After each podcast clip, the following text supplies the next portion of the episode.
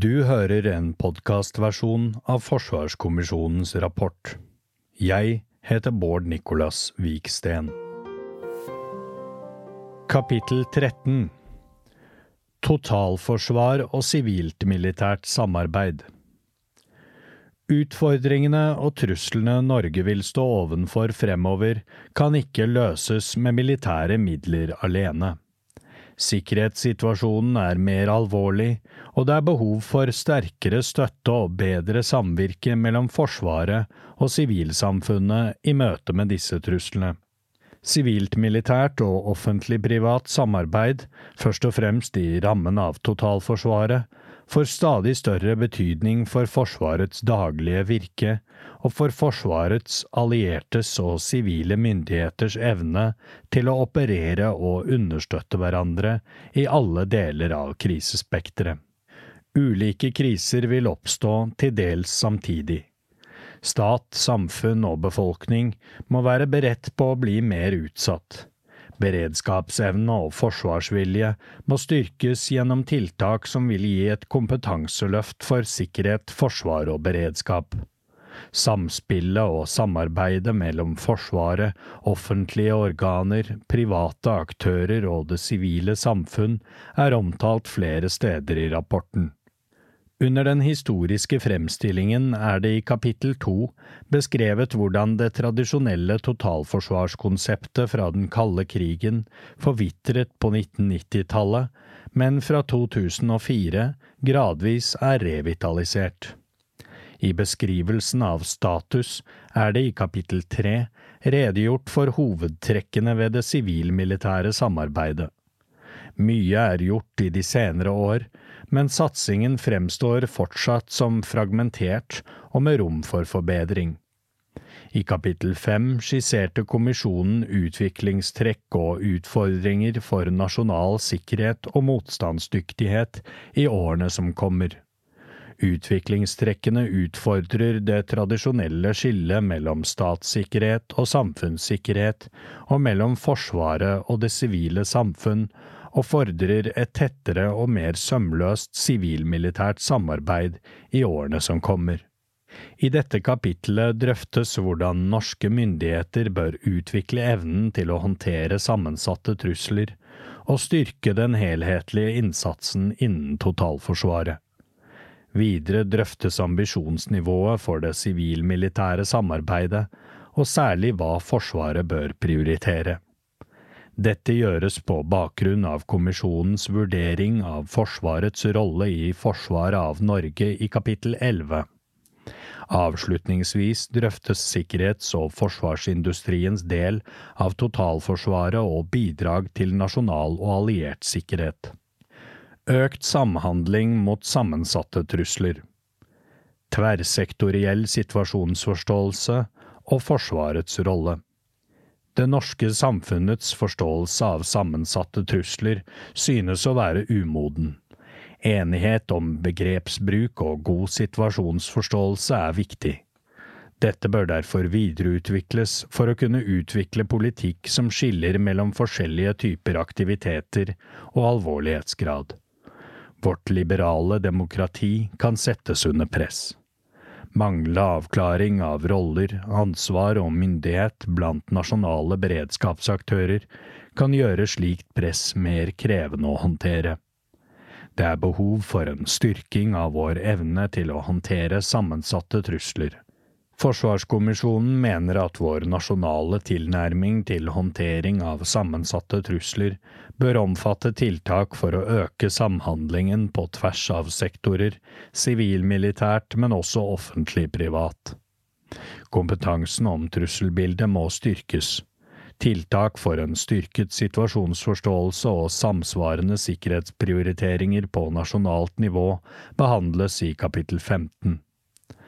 Som omtalt i kapittel 3 og kapittel fem, er sammensatte trusler en betegnelse på fremmede staters strategier for konkurranse og konfrontasjon under terskelen for direkte væpnet konflikt. Sammensatte trusler kan kombinere diplomatiske, informasjonsmessige, militære, økonomiske og finansielle, etterretningsmessige og juridiske virkemidler for å nå strategiske målsettinger. Begrepet beskriver en type trusler som er sektorovergripende, og som går på tvers av tradisjonelle skillelinjer. Det dreier seg om ulike trusler under samme sekkebetegnelse, som må håndteres konkret ut fra hva det gjelder. Dette illustreres blant annet under hvor desinformasjon, påvirkningskampanjer og digitale trusler diskuteres særskilt. Et mer komplekst og sammensatt trusselbilde fordrer en bedre evne til koordinert innsats fra en rekke samfunnsaktører for å identifisere, vurdere og respondere på truslene. For at Forsvaret og øvrige aktører i totalforsvaret skal være godt nok forberedt og ha et optimalt beslutningsgrunnlag, er det behov for økt situasjonsforståelse både i krisesituasjoner og med tanke på det fremtidige trusselbildet. Den samlede nasjonale situasjonsforståelsen må forbedres ved å se det sivile og militære situasjonsbildet i sammenheng. En viktig del av håndteringsevnen dreier seg om informasjonsdeling og kommunikasjonsmuligheter hos alle aktører innen totalforsvaret. Det er behov for tiltak som fører til at relevant og tidsriktig informasjon når ut til aktuelle aktører. Det må derfor utarbeides rutiner og samarbeidsformer for informasjonsdeling på tvers av sektorer, inkludert privat sektor. Det må også på plass verktøy for å dele informasjon i sanntid. Eventuelle formelle grunner som gjør informasjonsutveksling mellom myndigheter, etater og virksomheter vanskelig, må identifiseres og ryddes opp i. Det er viktig at ikke lover og regler skaper gråsoner som trusselaktører kan benytte til sin fordel. Forsvarets oppdrag i håndtering av sammensatte trusler kan ut fra kommisjonens behandling av Forsvarets oppgaver omfatte oppgavene to, tre, fire, fem og sju. Trusselens karakter og antatt aktør vi står overfor, bør være bestemmende for hvilken rolle Forsvaret har i det enkelte tilfellet. Dette gjelder også om Forsvaret skal lede en operasjon eller støtte andre myndigheter. Håndteringen vil i mange tilfeller kreve ressurser eller kompetanse som Forsvaret besitter, og i fredstid vil bistand til politiet og andre offentlige myndigheter være aktuelt. Etterretning og situasjonsforståelse blir viktigere i årene som kommer. Evne til å varsle om trusler og innhente og analysere informasjon er en grunnleggende forutsetning for forsvaret av Norge. Nasjonale og internasjonale forhold ved trusselbildet må analyseres på en integrert måte. Fysiske og digitale trusler må forstås i sammenheng, og ikke som noe særegent. I 2022 ble samarbeidet mellom PST, politiet, Etterretningstjenesten og Nasjonal sikkerhetsmyndighet forsterket i Nasjonalt etterretnings- og sikkerhetssenter, NESS. Dette skal styrke evnen til å oppdage og forstå sammensatte trusler, og samarbeide om felles trussel- og risikovurderinger. Det er for tidlig å vurdere om dette har hatt og vil få ønsket effekt. Forsvarskommisjonen mener likevel at det kan stilles spørsmål ved om slike koordinerende tiltak gir en tilstrekkelig effektiv utnyttelse av de samlede ressursene på lengre sikt. En helhetlig gjennomgang av roller, ansvar og organisering av oppgaver og mandater knyttet til de norske sikkerhets- og etterretningstjenestene, EOS-tjenestene, bør vurderes for å sikre god ressursutnyttelse og styrke evne til å møte det kompliserte og sammensatte trusselbildet. Det må sikres tilstrekkelig hjemmelsgrunnlag og kontroll med tjenestene. Finland har innført lovgivning som tillater samarbeid mellom de sivile sikkerhetsmyndighetene og den militære etterretningen. Endringen har bidratt til at man ikke lenger har separat innenlands- og utenlandsetterretning, men heller én sivil og én militær etterretning. Forsvarskommisjonen har ikke gått grundig inn i disse endringene, og mener ikke noe om effekten.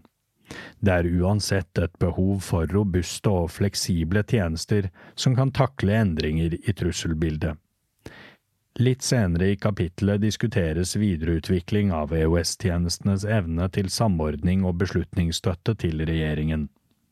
Når aktører anvender propaganda, cyberangrep eller investeringer i eiendom for å nå sine mål, kan det være vanskeligere å avgjøre hvem som står bak et angrep eller trussel, og hvilke hensikter disse har.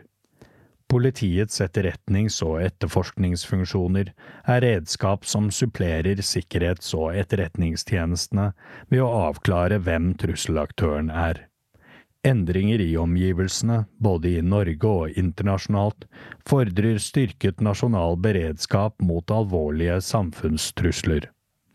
I politiets virksomhetsstrategi for 2023 til 2025 understrekes det at sammensatte trusler fra statlige aktører og organisert kriminalitet må sees i sammenheng. Både de nasjonale, regionale og lokale aktørene må være bedre forberedt på en rekke ulike krisescenarioer.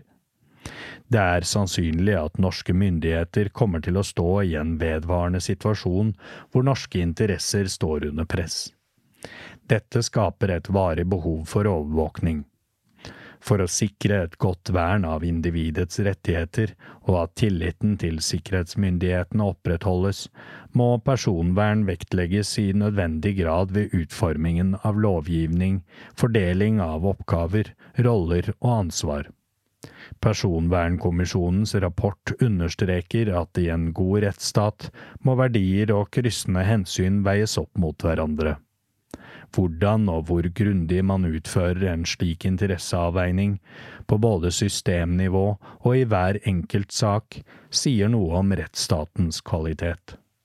Forsvarskommisjonen mener at det i et 10–20 års perspektiv blir enda viktigere å legge til rette for at EOS-tjenestene effektivt kan bidra til å kartlegge og motvirke trusler mot norske sikkerhetsinteresser. I håndteringen av sammensatte trusler er det viktig å finne en balanse i sikkerhetstenkningen. Dersom Forsvarets ansvar tilknyttet avskrekking, avdekking og håndtering av sammensatte trusler skal utvides, må dette vurderes nøye. I en rapport utarbeidet på oppdrag fra Forsvarskommisjonen anbefaler FFI at det utøves aktsomhet ved mulige utvidelser av Forsvarets ansvar for å avskrekke, avdekke og håndtere sammensatte trusler. Tiltak for å møte sammensatte trusler må utvikles på en måte som ikke går på bekostning av de verdiene man forsøker å beskytte. Etter kommisjonens vurdering er det viktig å se på de potensielle konsekvensene av en utvidelse av Forsvarets ansvar. Styrking av Forsvaret mot sammensatte trusler handler derfor primært om hvordan Forsvaret kan understøtte andre offentlige myndigheter og sivile aktører. Dette gjelder støtte som etterretningsvurderinger og analyse av potensiell risiko knyttet til ulike aktiviteter som kan true norsk sikkerhet. Betydningen av rettidig og lett tilgjengelig informasjon er viktig for å understøtte ulike virksomheters beslutningsgrunnlag og rollen disse har i håndteringen av sammensatte trusler. De åpne trusselvurderingene fra sikkerhets- og etterretningstjenestene er viktige tiltak, men Forsvarskommisjonen ser også behov for å styrke informasjonsdelingen og rådgivningen overfor næringslivet.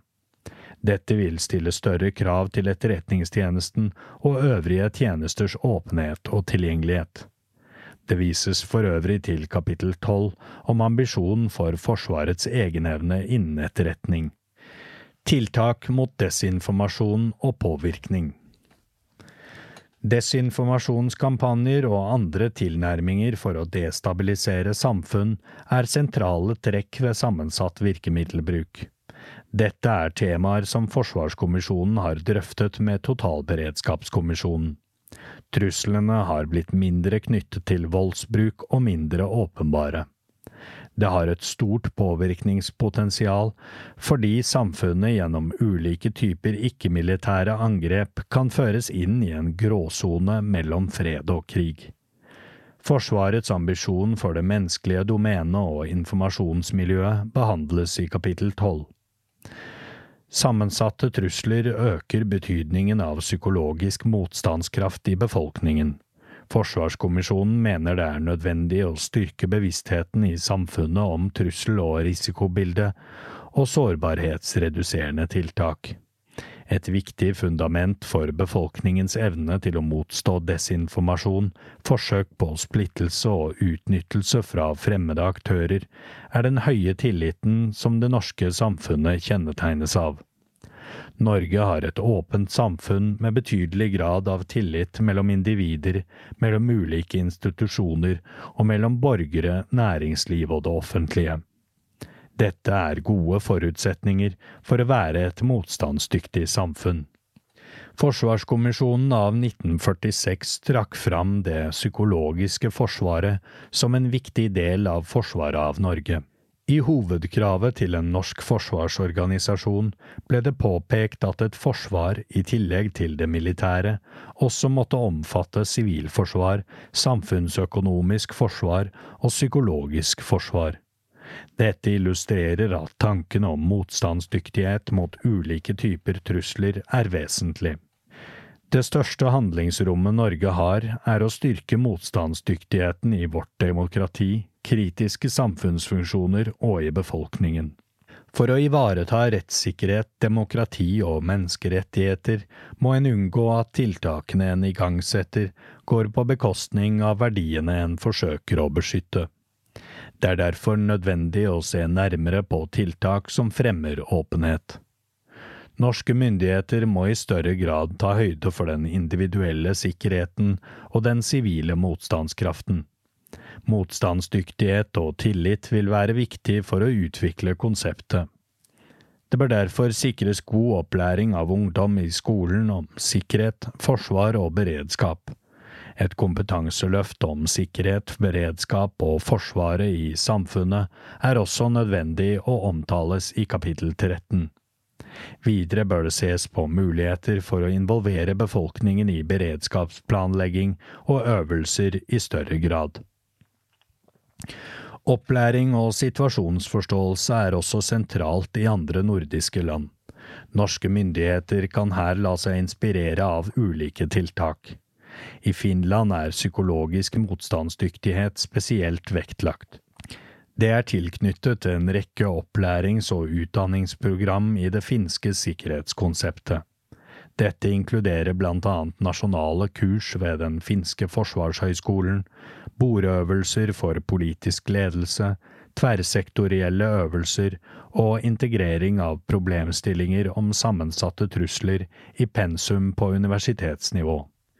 Det har også blitt gjennomført opplæringsaktiviteter i privat sektor og initiativ for å øke befolkningens medieforståelse. Å sikre et fritt, mangfoldig og ansvarlig media har blitt fremhevet som en essensiell del av sikkerhetskonseptet.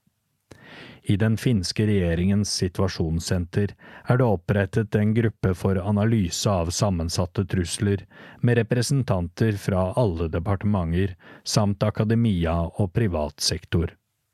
Sverige var det første nordiske landet til å introdusere en modell for psykologisk forsvarsplanlegging etter annen verdenskrig, også før etableringen av totalforsvarsmodellen. Dette omfatter mottiltak mot desinformasjon, som Sverige, i likhet med Finland, har i kjernen av sitt totalforsvarskonsept.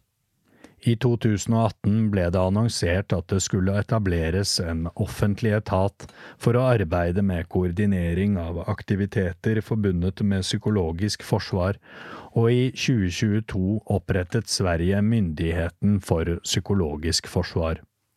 Etaten skal nasjonalt og internasjonalt kunne identifisere, analysere, møte og forhindre utilbørlig påvirkning av informasjon og annen villedende informasjon som er rettet mot Sverige eller svenske interesser. Psykologisk forsvar synes like viktig i dag som tidligere. Forsvarskommisjonen merker seg at flere land har lagt vekt på psykologisk motstandsdyktighet, og mener dette er viktig for å styrke samfunnets årvåkenhet. Også i Norge må arbeidet med dette innrettes for en ny tid, og omfatte økt medieforståelse og kunnskap om hvilke verdier som skal beskyttes. Dette er etter Forsvarskommisjonens vurdering ikke primært en oppgave for Forsvaret, selv om det finnes kompetanse på dette ved FFI og Forsvarets høgskole. Dette bør settes i sammenheng med det bredere arbeidet med samfunnssikkerhet og beredskap på sivil side. For eksempel kan dette løftes som del av arbeidet med en nasjonal sikkerhetsstrategi som kommisjonen foreslår i kapittel 15. Styrket samarbeid mot digitale trusler. Den digitale utviklingen blir i økende grad drevet frem av store globale aktører, som ofte også har tilknytning til stormakter. Kampen mellom autokrati og demokrati gjør det viktigere å kontrollere flyten av informasjon. Autoritære stater bygger opp separate og strengt overvåkede informasjonsnettverk, hvor befolkningens tilgang til informasjon kan kontrolleres. Teknologi som gjør denne typen kontroll mulig, eksporteres fra land som Kina, Russland og Iran. Dette gjør autoritære land mer robuste mot indre spenninger eller demokratiske bevegelser. Dersom autoritære krefter får stor nok kontroll over teknologiske verdikjeder, kan det også legge grunnlaget for internasjonale standarder som gir større kontroll over internett. Det fremstår imidlertid mer sannsynlig at det frie internett vil bli tilgjengelig for flere. Private vestlige aktører har allerede tatt store skritt i retning av å gjøre internett tilgjengelig for alle ved å skyte opp konstellasjoner med tusenvis av mikrosatellitter i lav bane. Disse satellittene vil gjøre høyhastighetsinternett tilgjengelig for mange flere, men kan også bidra til å undergrave autoritære staters ønske om informasjonskontroll. Norge er en demokratisk, liberal og fremvoksende romnasjon med en geografi egnet for å understøtte romaktivitet. Norge har gode forutsetninger for å bidra til utviklingen av internasjonal romvirksomhet. Små lavbanesatellitter har også stor militær betydning, særlig for små aktørers tilgang på egne satellitter til overvåkning, situasjonsforståelse, kommando og kontroll. I det videre arbeidet med å redusere digital risiko er Norge avhengig av tett samarbeid med andre land og med private aktører innen teknologi og IT. I stortingsmeldingen om nasjonal kontroll og digital motstandskraft, som ble lagt fram i desember 2022, redegjøres det for behovet for en helhetlig og langsiktig tilnærming til nasjonal sikkerhet i hele samfunnet. Meldingen inneholder tiltak som skal bidra til å styrke nasjonal og digital sikkerhet Tiltak omfatter blant annet regulering, nasjonalt eierskap og kontroll, bedre oversikt over verdier og økt kompetanse og kunnskap. I et 10–20-årsperspektiv ventes en kraftig økning i komplekse og alvorlige cyberhendelser, noe vi også ser i dagens trusselbilde. Teknologisk utvikling og innovasjon går raskt, og utfordrer oss på samfunns-, virksomhets- og individnivå. Nasjonal tilgang til kompetanse blir avgjørende for å redusere digital risiko i samfunnet. Svendsen-utvalget tok til orde for en kompetansedugnad for å øke den digitale robustheten i et av verdens mest digitaliserte land. Synergier mellom Forsvaret og sivile myndigheter må sikres, og det må trekkes på næringslivets kompetanse. Norge er et lite land, og norske myndigheter må se på hvordan kompetanse og ressurser kan bli utnyttet best mulig. Forsvarskommisjonen mener det bør vurderes hvordan norske myndigheter på tvers av tradisjonelle sektorgrenser kan få til en felles koordinert innsats for teknologiutvikling, strategisk planlegging og gjennomføring. Slik kan kunnskapsmiljøer og tjenester trekke veksler på den teknologikunnskapen Norge har å tilby.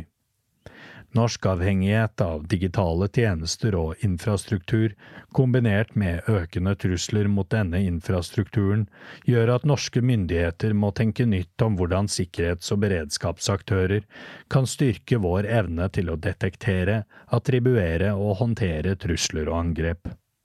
Norske myndigheter bør i større grad både ta og opprettholde kontroll over nasjonale digitale verdier. Som beskrevet i del to blir samfunnet stadig mer sårbart.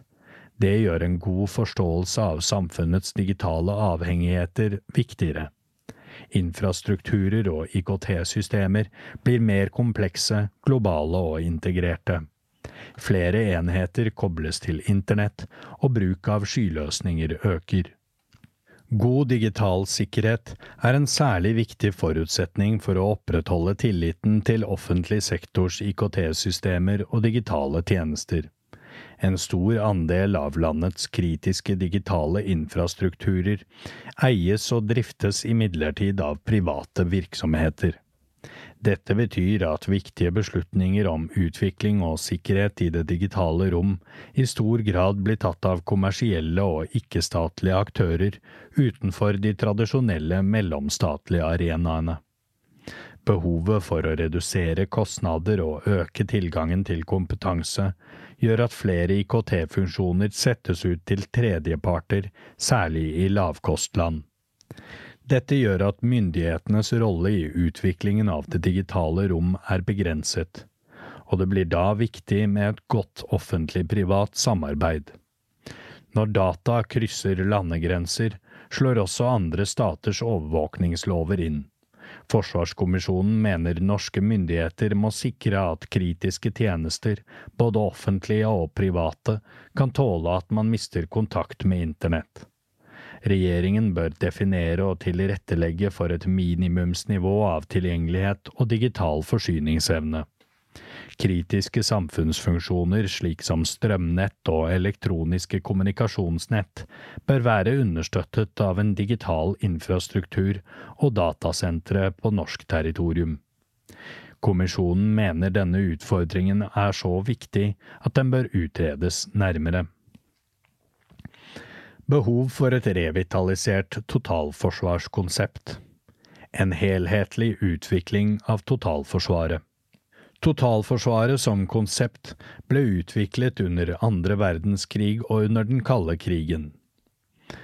Forsvarskommisjonen vurderer at Norge har et totalforsvarskonsept som gir muligheter for å utnytte landets ressurser på en effektiv måte.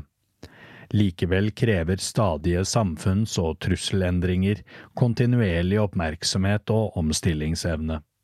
Dette gjelder også for utviklingen av totalforsvarskonseptet. Kommisjonen er kjent med at videreutvikling av totalforsvarskonseptet også drøftes av totalberedskapskommisjonen. Krisene som har rammet det norske samfunnet de siste årene, er hendelser som vanligvis ikke faller innenfor Forsvarets ansvarsområde.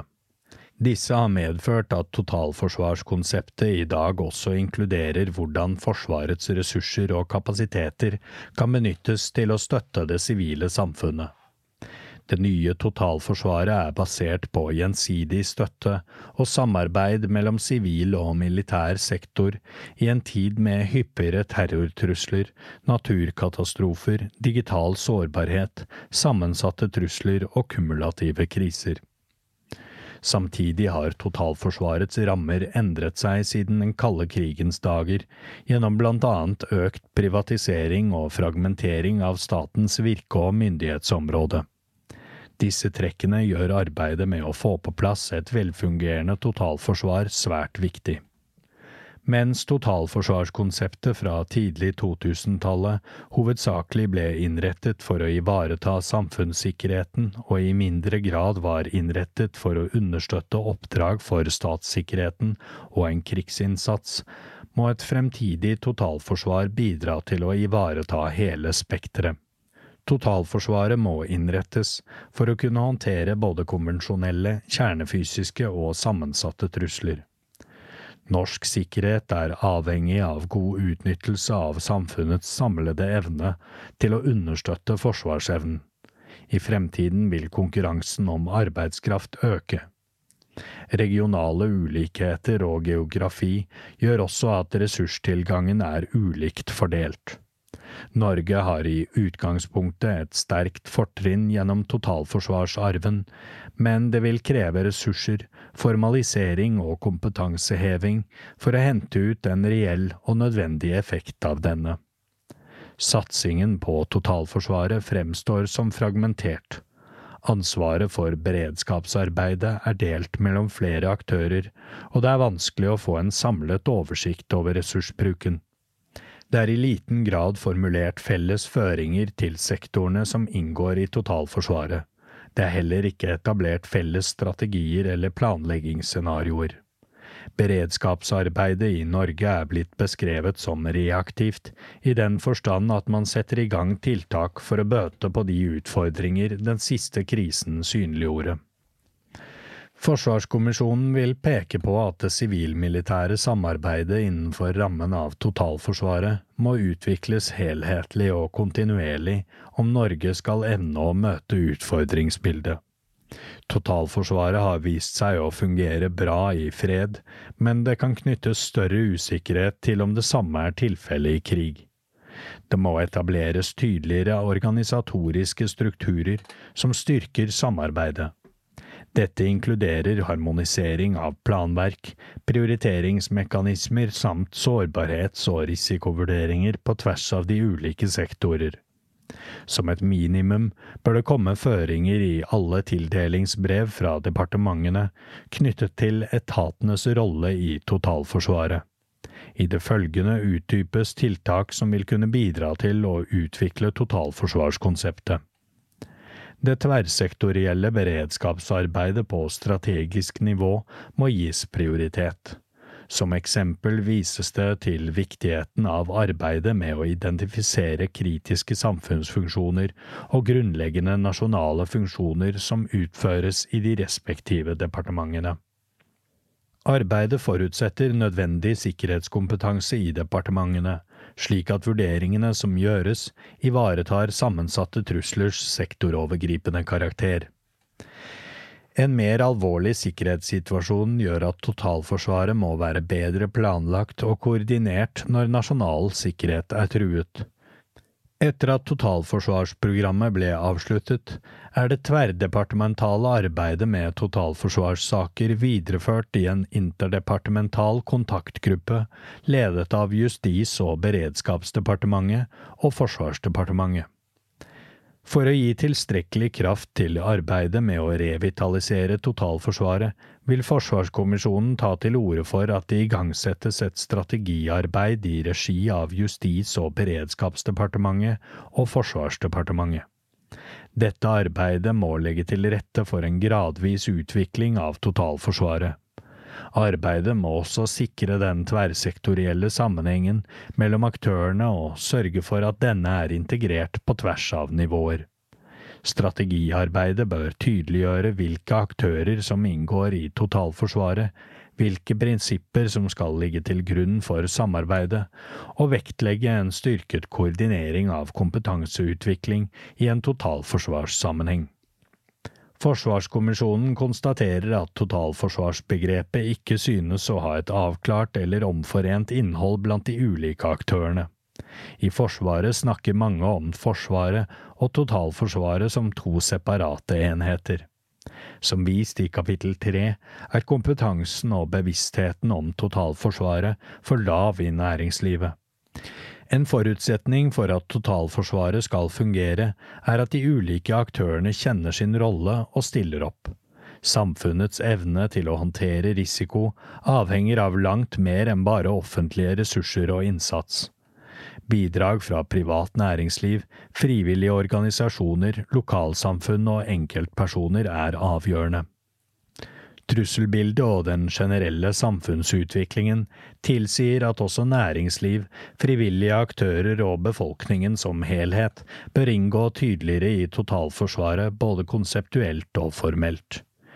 I en ny og farligere verden er det helt nødvendig å igjen utvikle planer og prosedyrer for å møte utfordringene med samfunnets samlede virkemiddelapparat. Forsvarskommisjonen mener at næringslivets rolle i totalforsvaret bør tydeliggjøres og knyttes sterkere til strukturene for nasjonal beredskap og krisehåndtering. Det bør gis egnede insentiver for å sikre næringslivets deltakelse i beredskapsarbeid. Det blir viktig å finne løsninger for å inkludere også private virksomheter i planleggingen for sikkerhetspolitiske kriser og væpnet konflikt. Det er interessant å se hvordan både Finland og Sverige innretter sine totalforsvarskonsepter. Finland har etablert nettverk som inkluderer næringsliv og organisasjoner, som drøfter sårbarheter og hvordan disse kan reduseres, samt hvilke roller de ulike aktørene må innta i en krise. Det finske nasjonale sikkerhetsrådet kan ved behov inkludere aktører fra næringslivet. I Norge bør Sentralt totalforsvarsforum videreutvikles. Deltagelsen bør utvides med relevante private aktører og representanter fra næringslivet. Frivilligheten er en hjørnestein i det norske samfunnet, og over halvparten av Norges befolkning har ytt en form for frivillig innsats. Frivilligheten er også en sentral aktør i totalforsvaret og forsvaret av Norge. De frivillige organisasjonene og deres medlemmer har både store nettverk og evne og vilje til å nå ut til en større del av befolkningen og til å bistå i krise og krig. Norge er prisgitt de frivillige rednings- og beredskapsorganisasjonene og det engasjementet som finner sted over hele landet. Dette bidrar til å bygge sikkerhet og beredskap. Frivillighetens mange medlemmer innehar viktig kompetanse og erfaring med håndtering av ulike hendelser sammen med offentlige etater. Det bør sikres bedre dialog og informasjonsflyt med frivilligheten på lokalt, regionalt og nasjonalt nivå. Derfor bør også frivilligheten få en sentral rolle i Sentralt totalforsvarsforum. Også innen totalforsvaret er det naturlig å tenke ressursutnyttelse i nordisk kontekst, som Forsvarskommisjonen også har drøftet med Totalberedskapskommisjonen. I kapittel 14 omtales potensialet for nordisk samarbeid på dette området. Norge bør ta initiativ til å styrke det nordiske forsvarsfellesskapet ved å være en drivkraft for forsterket nordisk samarbeid om samfunnssikkerhet og beredskap og videreutvikling av totalforsvarskonseptet. Det vil kunne øke operativ utholdenhet og sikre mer forutsigbar støtte i operasjoner. Mer samvirke og arenaer for samhandling.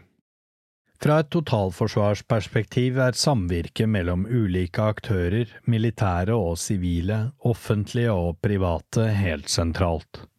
Dette er også synliggjort gjennom øvelser og håndtering av sivile katastrofer. Effekten av et felles beredskapsløft for totalforsvaret i krise og væpnet konflikt ble tydelig demonstrert gjennom øvelse Trident Juncture i 2018. I et revitalisert totalforsvar synes det imidlertid å være nødvendig med økt oppmerksomhet på ledelse som påser at samhandling, planlegging og øving faktisk skjer.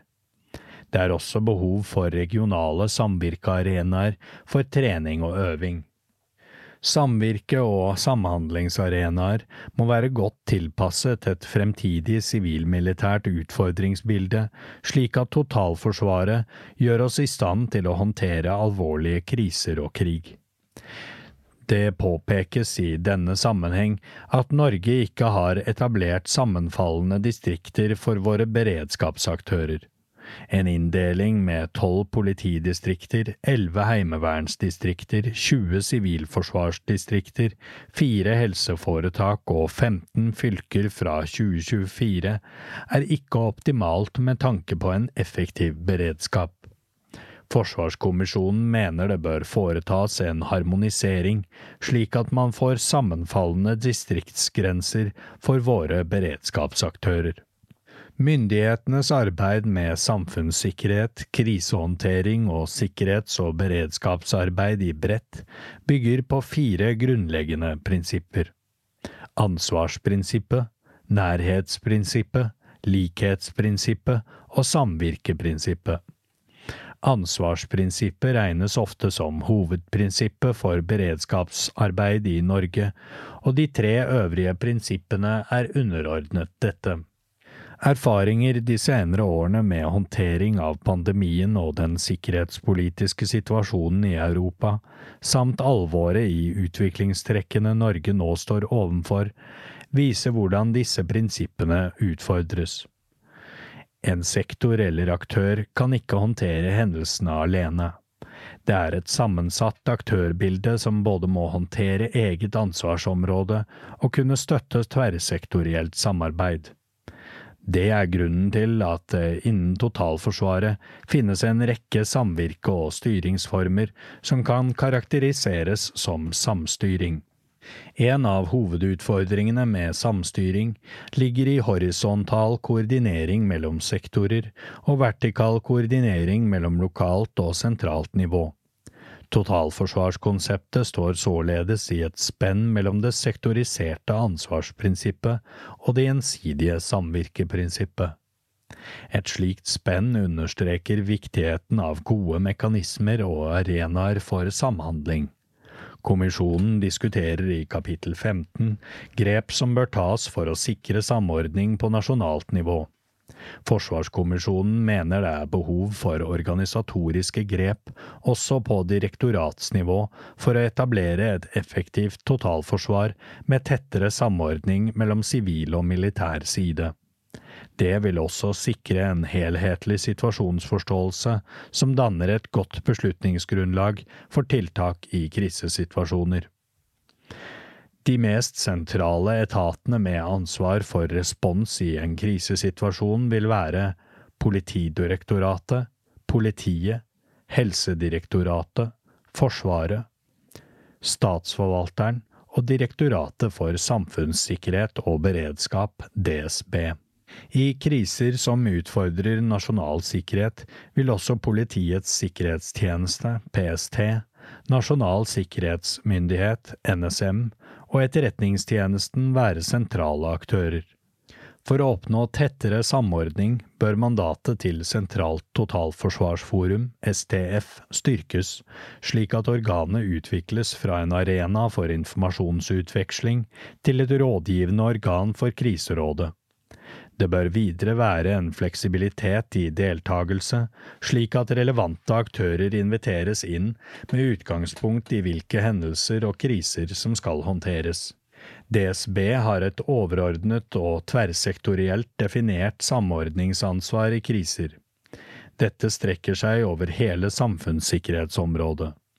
Kommisjonen har fått innspill om at DSBs rolle bør formaliseres til å lede samarbeidet, og herunder utarbeide tverrsektorielle situasjonsbilder med vurdering av konsekvenser for kritiske samfunnsfunksjoner og samfunnsstabilitet.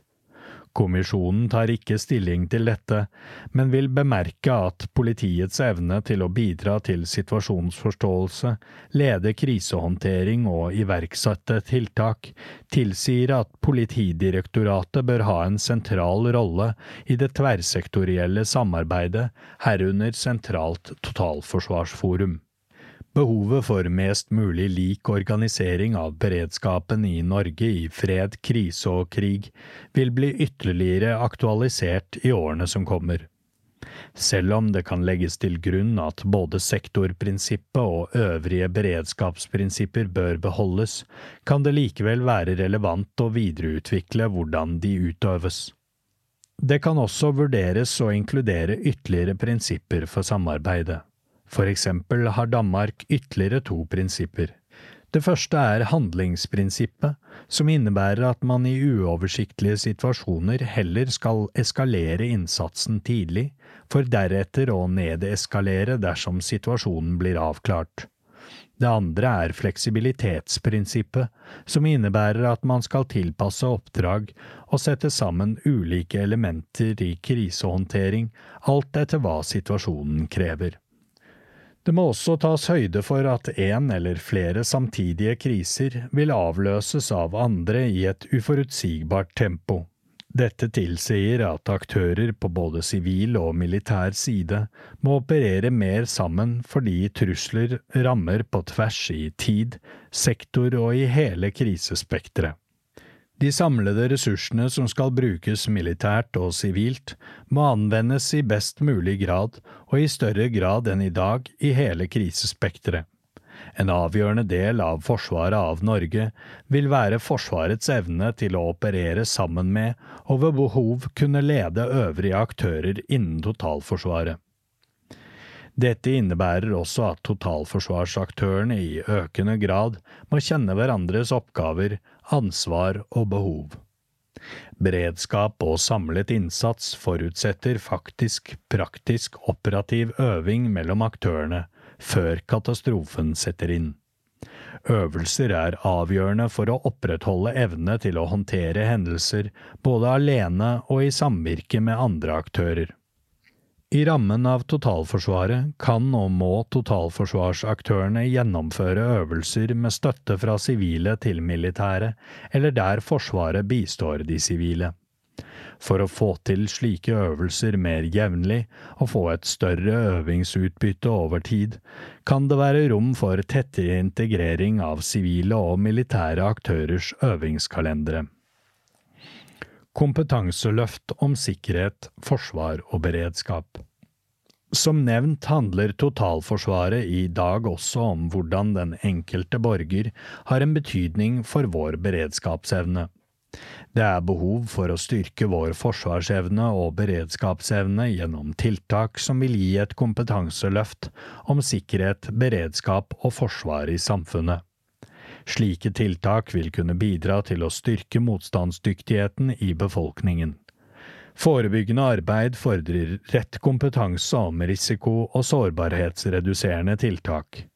Mulige tiltak kan være å videreutvikle tverrsektorielle kurs og videreutdanning om totalforsvar, som også inkluderer næringsliv og frivillige organisasjoner. Finland har arrangert nasjonale forsvarskurs i mange år. Sammenlignet med Forsvarets høyskoles sjefskurs er de finske forsvarskursene kortere i varighet, tre og en halv uke. Hvert år avholdes fire ordinære kurs med om lag 200 deltakere, inkludert fra media og næringslivet, og én til tre spesialkurs i tillegg til kortere oppfriskningskurs. Foruten de nasjonale forsvarskursene arrangeres også regionale forsvarskurs fem ganger i året i seks ulike regioner. Her deltar om lag 70 personer på hvert kurs, altså over 2000 totalt årlig. Kursene er en sentral del av det finske totalberedskapskonseptet. De er også viktige for å bygge nettverk og tillit på tvers av samfunnet.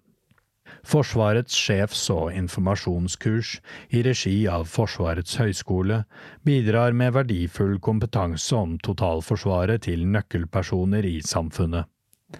Kursene har et godt omdømme og er en arena for tverrsektoriell nettverks- og relasjonsbygging. Forsvarskommisjonen mener at dagens ordning har potensial til å nå flere og bidra til sterkere totalforsvar på flere nivåer. Kommisjonen mener at frekvensen på kursene bør økes, og at man åpner for regionspesifikke samlinger. Sistnevnte er spesielt viktig for utviklingen av totalforsvaret i fylker og kommuner. Samordningen av lokale krefter med lokalkunnskap som også har felles sikkerhetskompetanse, vil opprettholde handlefriheten i regionene og styrke forsvaret av Norge. Utvikling av flere digitale kurs i sikkerhet, forsvar og beredskap bør også vurderes. Det er tatt flere gode initiativ for å styrke kunnskapen om nasjonal beredskap og krisehåndtering. Et eksempel er videreutdanningstilbudet om tematikken som er utviklet i samarbeid mellom Forsvarets høgskole og Politihøgskolen. Andre aktører kan også nevnes.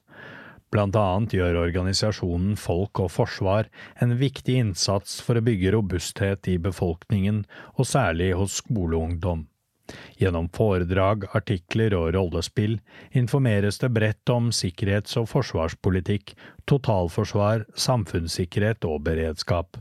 Målet er å vekke interessen for disse viktige spørsmålene og gi kunnskapsgrunnlag for å utforske videre.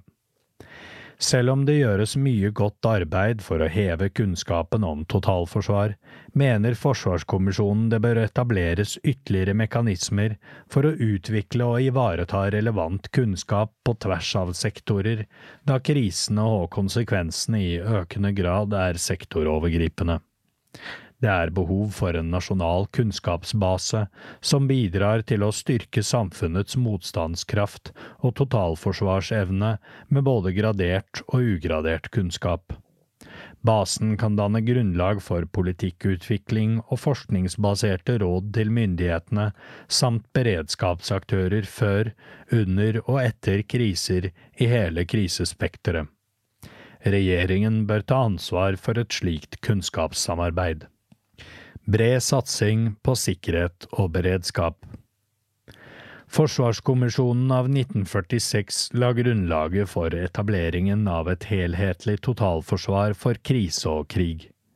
Dette skulle kompensere for et forsvar og en befolkning av beskjeden størrelse. Totalforsvaret bidrar til at ressurser møtes gjennom nasjonale aktører, men også at alliert forsterkning og tilstedeværelse får nødvendig understøttelse. Med et mer alvorlig og sammensatt utfordringsbilde må totalforsvaret utvides og innrettes for skalerbar og kontinuerlig gjensidig støtte for å håndtere ulike kriser. En styrking av totalforsvaret blir derfor viktigere i årene fremover, også i fredstid, for å redusere uakseptable sårbarheter og på sikt styrke robusthet og utholdenhet.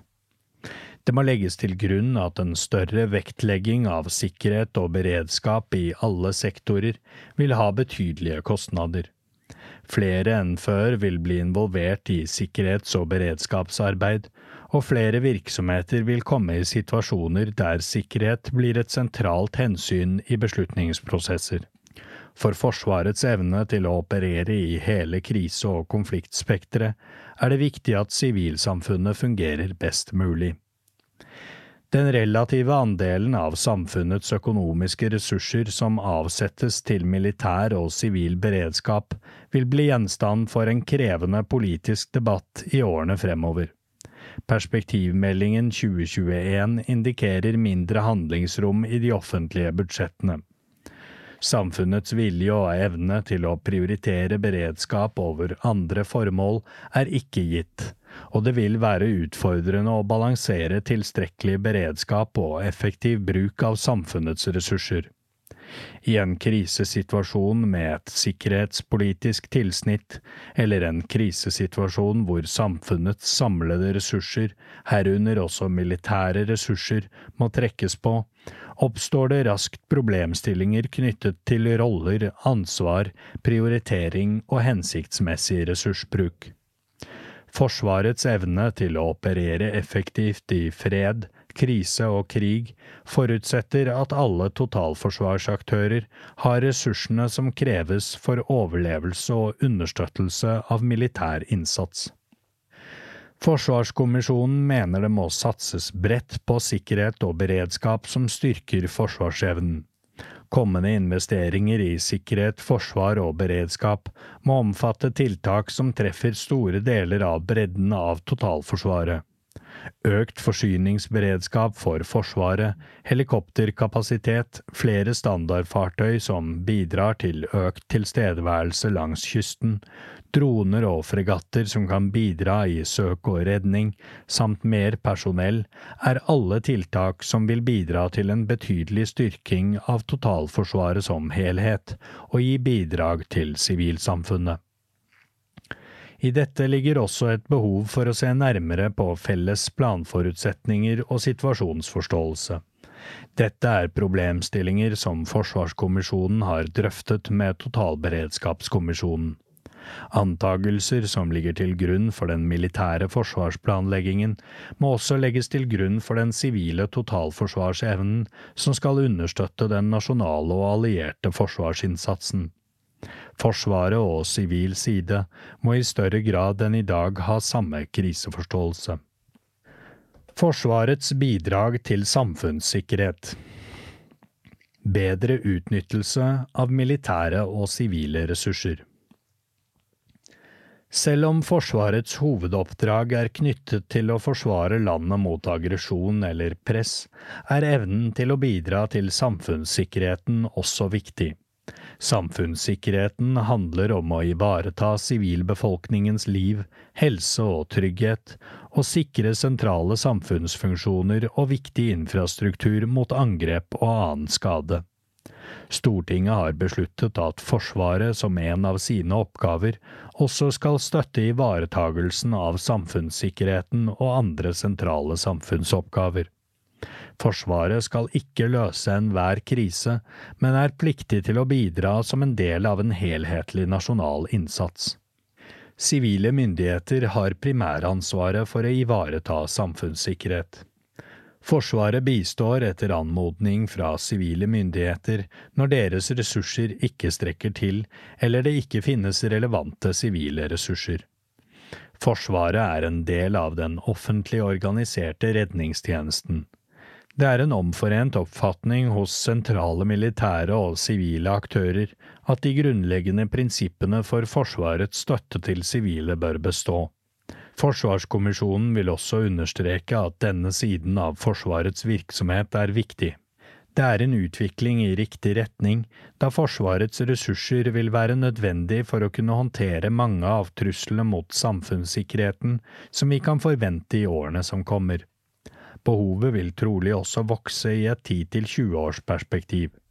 Eksempelvis vil bistand fra Forsvaret ved naturkatastrofer kunne bli viktigere på grunn av klimaendringer.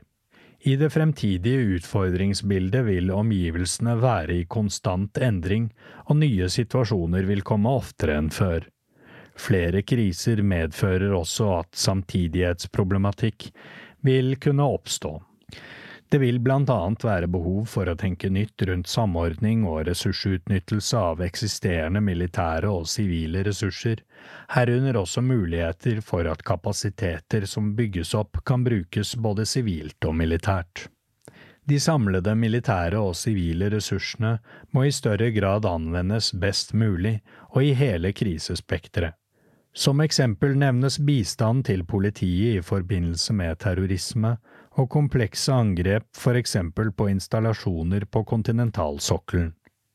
Videreutvikling av Forsvarets spesialstyrker har relevans både for bistand til politiet og for ivaretagelse av Forsvarets øvrige oppgaver. Videre støtte og samarbeid om helikopterberedskap er også relevant i denne sammenheng. Samarbeidet innen redningstjenestene, grenseovervåkning og kystvakt fungerer godt. Forsvarskommisjonen mener norske myndigheter var fremsynte da de i sin tid organiserte disse viktige samfunnsoppdragene. Dette er et eksempel til etterfølgelse i en tid med knapphet på folk, kompetanse og ressurser. Nedenfor nevnes ytterligere områder som bør vurderes for videre utvikling, både knyttet til politiet og andre aktører. Samhandlingen mellom politiet og Forsvaret har utviklet seg positivt de senere årene. Den nye bistandsinstruksen har skapt et vesentlig bedre utgangspunkt for samhandlingen. Rammene for bistand fra Forsvaret er nå mer avklarte. I tillegg er det større aksept og bedret kultur for samarbeid. Instruksen er tydelig på at begge etater plikter å legge til rette for at bistand kan ytes så raskt og effektivt som mulig hvis situasjonen krever det. Selv om bistandsinstruksen fungerer bra, er det fortsatt behov for avklaringer og rom for forbedringer. Dette er særlig knyttet til opplæring av bistandspersonell, bruk av militære våpen i sivile operasjoner og kommando- og ansvarsforhold. Med et sammensatt trusselbilde blir de indre oppgavene til politiet og de ytre oppgavene til Forsvaret vanskeligere å trekke opp. Selv om politiets og Forsvarets kjerneoppgaver i utgangspunktet er lite overlappende, tilsier samfunnsutviklingen en enda tettere samhandling mellom disse etatene. Det må tas høyde for at både samfunnssikkerhet og statssikkerhet blir satt på prøve samtidig. Ressurstilgang vil kunne bli en utfordring. Forsvarskommisjonen mener det er viktig at samhandlingen mellom Forsvaret og politiet fortsatt videreutvikles. Forsvaret har noen nisjekapasiteter som vil være særlig etterspurte fra politiet og øvrige sivile myndigheter. Blant annet gjelder dette bistand til politiets håndtering av uønsket bruk av droner. Det samme gjelder spesialkompetanse innen håndtering av eksplosiver og radioaktive biologiske og kjemiske substanser. Antallet spesialister i Forsvaret er begrenset, men er likevel en viktig del av det nasjonale fagmiljøet. Det er aktuelt med videre satsing på annet kompetansetiltak, beredskap og hendelseshåndtering på disse områdene. For CBRN-vern er det også aktuelt å styrke kapasiteten i Forsvaret og ved FFI. Forsvaret er blant medlemmene i Kriseutvalget for atomberedskap. Utvalget er ansvarlig for og har fullmakt til å iverksette tiltak for å redusere konsekvensene etter en atomulykke.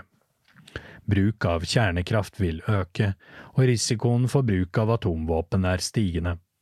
Det er økende aktivitet langs norskekysten, blant annet fra ulike atomdrevne fartøyer og transport av ulike typer radioaktivt materiale. Utviklingen i sikkerhetssituasjonen tilsier at det vil være behov for å styrke atomberedskapen i mange sektorer. Dette gjelder både utstyr og kompetanse, da denne er på et lavt nivå etter lang tids nedbygging fra slutten av 1990-årene. Det må legges til grunn at anskaffelse av utstyr kan ta tid. Derfor må dette sees som et langsiktig arbeid, sammen med å bygge opp kompetanse og videreføre og utvikle det tverrsektorielle arbeidet. Forsvaret kan støtte helsemyndighetene med smittevernstransport av høyrisikosmitte i en spesialløsning om bord C-130J Hercules transportfly. Forsvaret har også en avtale med SAS om strategisk luftevakuering, som i 2023 er i bruk for medisinsk evakuering av ukrainske pasienter til europeiske land. Dette gjøres i samarbeid med EU. Det er et godt eksempel på offentlig-privat samarbeid som med fordel kan videreutvikles sammen med de nordiske land. Forsvarets bidrag til det sivile samfunn må styrkes. Alle Forsvarets tilgjengelige ressurser kan i prinsippet bistå det sivile samfunn, avhengig av den faktiske situasjonen. I slike tilfeller må avveininger mellom sivile myndigheters behov og hensynet til Forsvarets dimensjonerende oppdrag være bestemmende for støttens art. I Forsvarskommisjonens anbefaling til oppdatert oppgavesett for Forsvaret vil oppgavene én til og med fem være dimensjonerende. Det innebærer at oppdrag som faller innunder oppgavene seks og sju, og i de tilfeller der Forsvarets ressurser er strukket, vil kunne bli prioritert ned, og at kapasiteter ikke skreddersys til dette formål. Ved samtidighet i kriser som rammer nasjonal sikkerhet både fra et stats- og samfunnssikkerhetsperspektiv, vil Forsvarets ressurser prioriteres til de mest krevende oppdragene for å verne om statssikkerheten. Slike situasjoner kan utfordre Forsvarets evne til å bistå sivile med ressurser og kapasitet. Forsvarets rolle og betydning for samfunnssikkerheten er like fullt betydelig og må tas hensyn til i bruk og utvikling av militærmakt som politisk instrument. Det er avgjørende at Forsvaret fortsatt skal bidra med ressurser til samfunnssikkerheten, og at samhandlingen mellom Forsvaret og samfunnet bør styrkes. En styrking av Forsvarets egenevne i tråd med ambisjonsnivået beskrevet i kapittel tolv vil gi Forsvaret økt kapasitet til å yte støtte til det sivile samfunn. styrket egenevne på land, til sjøs, i luften og i det ytre og digitale rom, gjør Forsvaret i stand til å gi norske myndigheter flere handlingsalternativer i vern om nasjonal sikkerhet. I tråd med kommisjonens anbefaling til justert oppgavesett for Forsvaret i kapittel 11 blir det viktig for militære og sivile myndigheter å forstå intensjonen og bredden i Forsvarets oppgaver.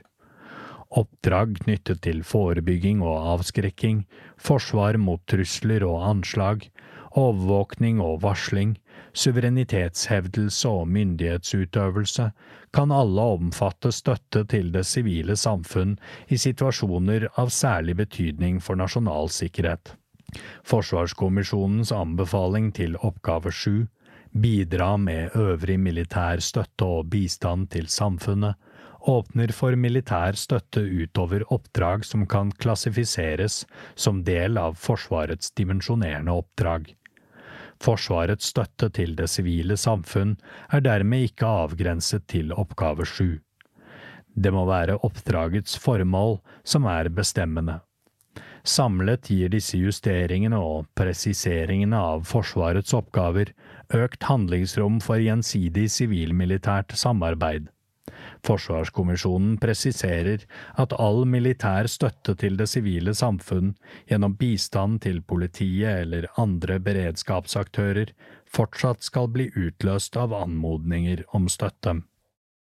Det sivile samfunns støtte til Forsvaret Det sivile samfunnets støtte er avgjørende for forsvarsevnen. Forsvarets avhengighet av understøttelse fra det sivile samfunn har økt og vil fortsette å øke de neste 10–20 årene. Behovet er ikke avgrenset til krise og krig, men er også omfattende i fredstid. Det er ikke bare behov for støtte i form av varer og tjenester, men også motstandskraft og egenbeskyttelse for at sivile systemer skal fungere så lenge som mulig ved forhøyet spenning. Prinsippene for totalforsvaret bygger på en grunnleggende gjensidighet, hvor hele samfunnets ressurser skal kunne utnyttes i håndteringen av situasjoner som utfordrer samfunns- eller statssikkerheten. Med dette som utgangspunkt ligger det en iboende forpliktelse hos alle offentlige aktører om å bistå når andre myndigheter anmoder om det. En rekke av oppgavene og rollene de sivile myndighetene støtter Forsvaret med, vil dreie seg om å opprettholde tjenester som er relevante for samfunnssikkerheten. Dette er oppgaver som disse sivile myndighetene vanligvis har i sin ansvarsportefølje. Slik sett dreier sivile myndigheters støtte til Forsvaret seg om å løse et felles og gjensidig samfunnsansvar på best mulig måte. Det må løses innenfor de rammene man vanligvis opererer med, selv om det også eksisterer særavtaler og lovgivning som har som sitt hovedformål å virke i de øvre delene av krisespekteret. Bruk av beredskapslovgivning vil være særlig aktuelt ved væpnet konflikt eller ved svært alvorlige hendelser. Det er spesielt viktig for å sikre tilgang til ressurser fra privat sektor. Samtidig kan sivile aktører, både offentlige og private, tilføre Forsvaret ressurser, kapasitet og fleksibilitet i et omfang som Forsvaret aldri vil evne å stille alene. Dette skaper betydelige muligheter til å øke den samlede forsvarsevnen og motstandskraften gjennom effektivt samarbeid. Forsvarskommisjonen mener at Forsvaret bør prioritere og konsentrere seg om operativ virksomhet og militære kjernefunksjoner. Ulike støttetjenester, ikke minst på forsyningssiden, blir hensiktsmessig levert fra sivile aktører. Arbeidet med å planlegge og legge til rette for den sivile støtten til Forsvaret må fortsette. Bruk av sivile leverandører og kontraktører ligger allerede inne i totalforsvarskonseptet, hvor ulike mekanismer bidrar til opprettholdelse av sivil støtte til Forsvaret. Slike mekanismer innebefatter beredskaps- og rekvisisjonslovgivning, bruk av forhåndsrekvisisjon, sivil-militære samarbeidsfora og strategisk samarbeid med kommersielle aktører. Forsvaret må i tillegg fortsette å trekke på sivile leverandører i fredstid, både i form av rent kommersielle leveransekontrakter som logistikk og forsyning, men også ulike former for beredskapsavtaler og strategiske partnerskap som skal understøtte den operative evnen. Dette gir Forsvaret tilgang til langt mer robuste forsynings- og verdikjeder enn man vil kunne utvikle alene. Arbeidet med å forhåndsrekvirere sivile ressurser er også gjenopptatt de senere år. I et mer komplekst samfunn og næringsliv er det likevel utfordringer ved det å lene seg utelukkende på evnen til å rekvirere i krise og krig. Forsvaret bør derfor ha mer fleksible mekanismer å trekke på i samarbeidet med sivile. Sivil støtte til militære styrker er avgjørende for forsvarsevnen. Arbeidet med beredskapsplaner og tiltak for å sikre slik støtte må derfor fortsette. Forebygging og beredskap for samfunnssikkerheten må ses i sammenheng med statssikkerheten. Forsvarskommisjonens inntrykk er at Forsvarets behov i krise og krig ikke synes å være tilstrekkelig avklart. Forsvaret må også være tydeligere i sine forventninger til sivil sektor. Planforutsetningene er ikke tilstrekkelig avklart, og det er få eller ingen arenaer for næringslivet å koble seg på for å motta informasjon eller bidra til å videreutvikle totalforsvarskonseptet. Dette skaper behov for økt profesjonalisering og formalisering av beredskapsordninger og avtaler. Dette gjelder særlig i situasjoner der beredskapslovgivningen ikke trer i kraft, men hvor det likevel er hensiktsmessig med tanke på forutsigbarhet og tilgjengelighet. Norge besitter store maritime ressurser som må forsvares, og tilgangen til kysten vil bli avgjørende i en eventuell krig. Det maritime Norge har store ressurser som kan bli avgjørende både for det norske forsvarets operasjoner og for tilrettelegging for eventuelle NATO-forsterkninger. Forsvarets og andre myndigheters strategiske avtaler med sentrale maritime aktører, muligheten for rekvisisjon og beredskapsavtalen med Rederiforbundet og Nortraship-ledelsen er sentrale totalforsvarsordninger i denne sammenhengen. En forutsetning for at det maritime totalforsvaret skal fungere i praksis, er at relevante aktører besitter kunnskap om ressursene og rammeverket for å utløse dem.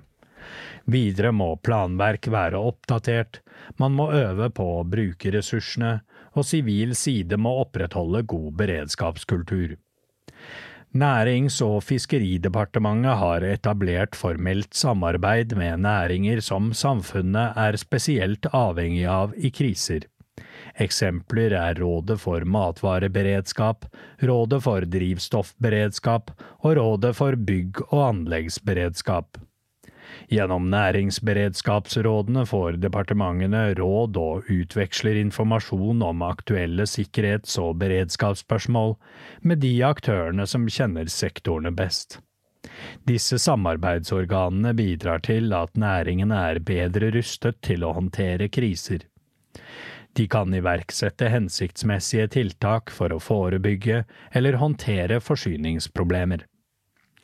Det vil være avgjørende at sivile aktører har kunnskap om og ser verdien av å utvikle produkter som kan ha militær nytteverdi. Det er behov for langsiktige og troverdige strategiske partnere som kjenner Forsvarets behov, og som har kompetent og sikkerhetsklarert personell. Statlige, sivile og private aktører vil være helt avhengig av tett samarbeid. Forholdet mellom industri, myndigheter og Forsvaret må tilpasses den økte innovasjonshastigheten for å rekke å ta i bruk relevant teknologi. Her vil Forsvaret i større grad enn i dag være avhengig av sivil kapasitet og kompetanse. Dette omtales nærmere i kapittel 13. Det er viktig å holde oversikt over sårbarheter og avhengigheter i kritiske samfunnsfunksjoner og grunnleggende nasjonale funksjoner. Det forebyggende sikkerhetsarbeidet må derfor også i større grad rettes mot næringsliv og industri. Forsvaret må identifisere hvilke leveranser man er avhengig av, hvilke samarbeidsformer som utløser størst effekt, og om man har de nødvendige strategiske avtalene, partnerskapet og planverket som understøtter dette. Forsvaret må forstå sine avhengigheter av sivile leverandører, og det må vurderes om det er sårbarheter i eksisterende avtaler eller behov for å inngå nye avtaler. Forsvaret må sikre at partene har nødvendig beredskapsevne og kan gi den påkrevde produksjons- og leveransesikkerheten. Videre må det sikres at avtalene ivaretar krav i krigens folkerett på en måte som ikke går på akkord med Forsvarets faktiske behov eller sikkerheten til ansatte hos de private leverandørene. Slike vurderinger må omfatte hvilke tjenester og leveranser Forsvaret selv må bygge opp, og hva som kan settes ut. Forsvarskommisjonen anbefaler en grundig gjennomgang av hele systemet med strategiske avtaler og partnerskap. Her må utgangspunktet og den dimensjonerende faktoren være å sikre Forsvarets operative evne med utgangspunkt i krigens krav. Til dette hører også en prinsipiell og løpende vurdering knyttet til avhengighet av leveranser fra utenlandskeide selskap. Som underlag for en slik tilnærming må Forsvaret ha tilstrekkelig kunnskap om både mulighetsrom og eventuelle begrensninger i mer operative former for sivilt-militært samarbeid. Her kan man også trekke på alliertes erfaringer. Sivilmilitært og offentlig-privat samarbeid skaper samtidig mer komplekse verdikjeder og avhengigheter. Globale konkurranseforhold gjør oss mer sårbare. Vi blir stadig mer globalt avhengige og sårbare innen samfunnsmessige, teknologiske, økonomiske og finansielle områder. Politikkområder som tidligere ikke har blitt vurdert som avgjørende for nasjonal sikkerhet, vil kunne få større betydning. Det blir mer utfordrende å avdekke trusler og verne egne verdier. Også i kriser og konflikt er vi avhengig av at åpne markeder, produksjon og forsyningslinjer går som normalt. Ukraina-krigen viser hvor avgjørende kritiske samfunnsfunksjoner er, deriblant elektronisk kommunikasjon, kraftforsyning samt drivstoff, mat og vannforsyning. Spesifikke former for utenlandsk eierskap eller for dyp avhengighet av internasjonale verdikjeder på kritiske områder kan skape utfordringer for samarbeid med private aktører i beredskaps- og forsvarssammenheng. Kommisjonen er opptatt av at fellesskapets midler skal gi størst mulig effekt, også innenfor forsvarssektoren. Samtidig må det tas hensyn til de helt spesielle oppgavene Forsvaret har, med de ekstreme kravene som vil bli stilt i en krig. Kommisjonen har ikke noe grunnlag for å hevde at den ene eller andre modellen er mer kostnadseffektiv. Vi tar utgangspunkt i at den valgte modellen må virke over tid og under ekstremt press. Altså må funksjonelle krav veie tyngre enn de økonomiske. Helseberedskap ved økt fare for krise og krig. Som omtalt i kapittel tre må det rettes særlig oppmerksomhet mot helseberedskapen og konsekvensene av økt fare for krise og krig. Verken sanitets- eller helsevesenets samlede ressurser er dimensjonert for å håndtere pasientvolumene ved større nasjonale kriser og i krig. Kommisjonens anbefalte ambisjon for Forsvarets sanitet omtales i kapittel tolv. Forsvaret har svært begrensede sanitetsressurser, og disse er innrettet mot akutte militære behov. Det er behov for flere generalister som kan håndtere et stadig mer sammensatt og uforutsigbart sykdomsbilde. Dette er synlig allerede og antatt å vokse betydelig mot 2040 fordi behovet for helsefaglig kompetanse øker på sivil side, vil rekruttering til saniteten bli mer utfordrende. Forsvaret bør i samarbeid med helsesektoren samordne utdanning og rekruttering av helsekompetanse. Sivil-militær helseinnsats er i dag hovedsakelig basert på just in time-prinsippet. Dette medfører en organisering uten en planlagt og prioritert ressurstilgang. Sikkerhetssituasjonen tilsier at ressursene i større grad må være planlagt, prioritert og samordnet før krisen treffer. Forventninger til Norges rolle som tilrettelegger for alliert innsats tilsier også at saniteten må dimensjoneres med tanke på et større forsvar og en farligere sikkerhetssituasjon. Forsvarskommisjonen konstaterer at disse utfordringene er kjent for Forsvaret. Det pågår dialog med helse- og omsorgssektoren om en styrket helseberedskap. Det skjer blant annet gjennom Helseberedskapsrådet, som gjennom sin rådgivende funksjon skal bidra til et velfungerende sivil-militært samarbeid på området. Det er imidlertid fortsatt behov for en økt erkjennelse av hva et større forsvar og en alliert operasjon på norsk jord kan bety for helseberedskapen når det gjelder ressurser og prioriteringsbehov. Forsvarskommisjonen mener Forsvaret i større grad må klargjøre sine behov og være en tydeligere bestiller overfor sivil side. Det er behov for å videreutvikle det sivil-militære samarbeidet på helseberedskapsområdet i alle faser. Det innebærer bedre planforutsetninger som baserer seg på gjensidig forventningsavklaring mellom Forsvaret og helse- og omsorgssektoren. Det innebærer også tydeliggjøring av ledelses- og styringslinjer, avklaringer om roller og ansvar, og god og gjensidig kommunikasjon og informasjonsdeling. Det planlegges nye løsninger innenfor totalforsvaret, blant annet for å sikre at Forsvaret har nok helsepersonell i krise og i væpnet konflikt. Blant annet vurderes ulike tilsetningsforhold for å tilknytte seg flere leger. Kompetanse og kapasitet prioriteres lengre frem i evakuerings- og behandlingskjeden.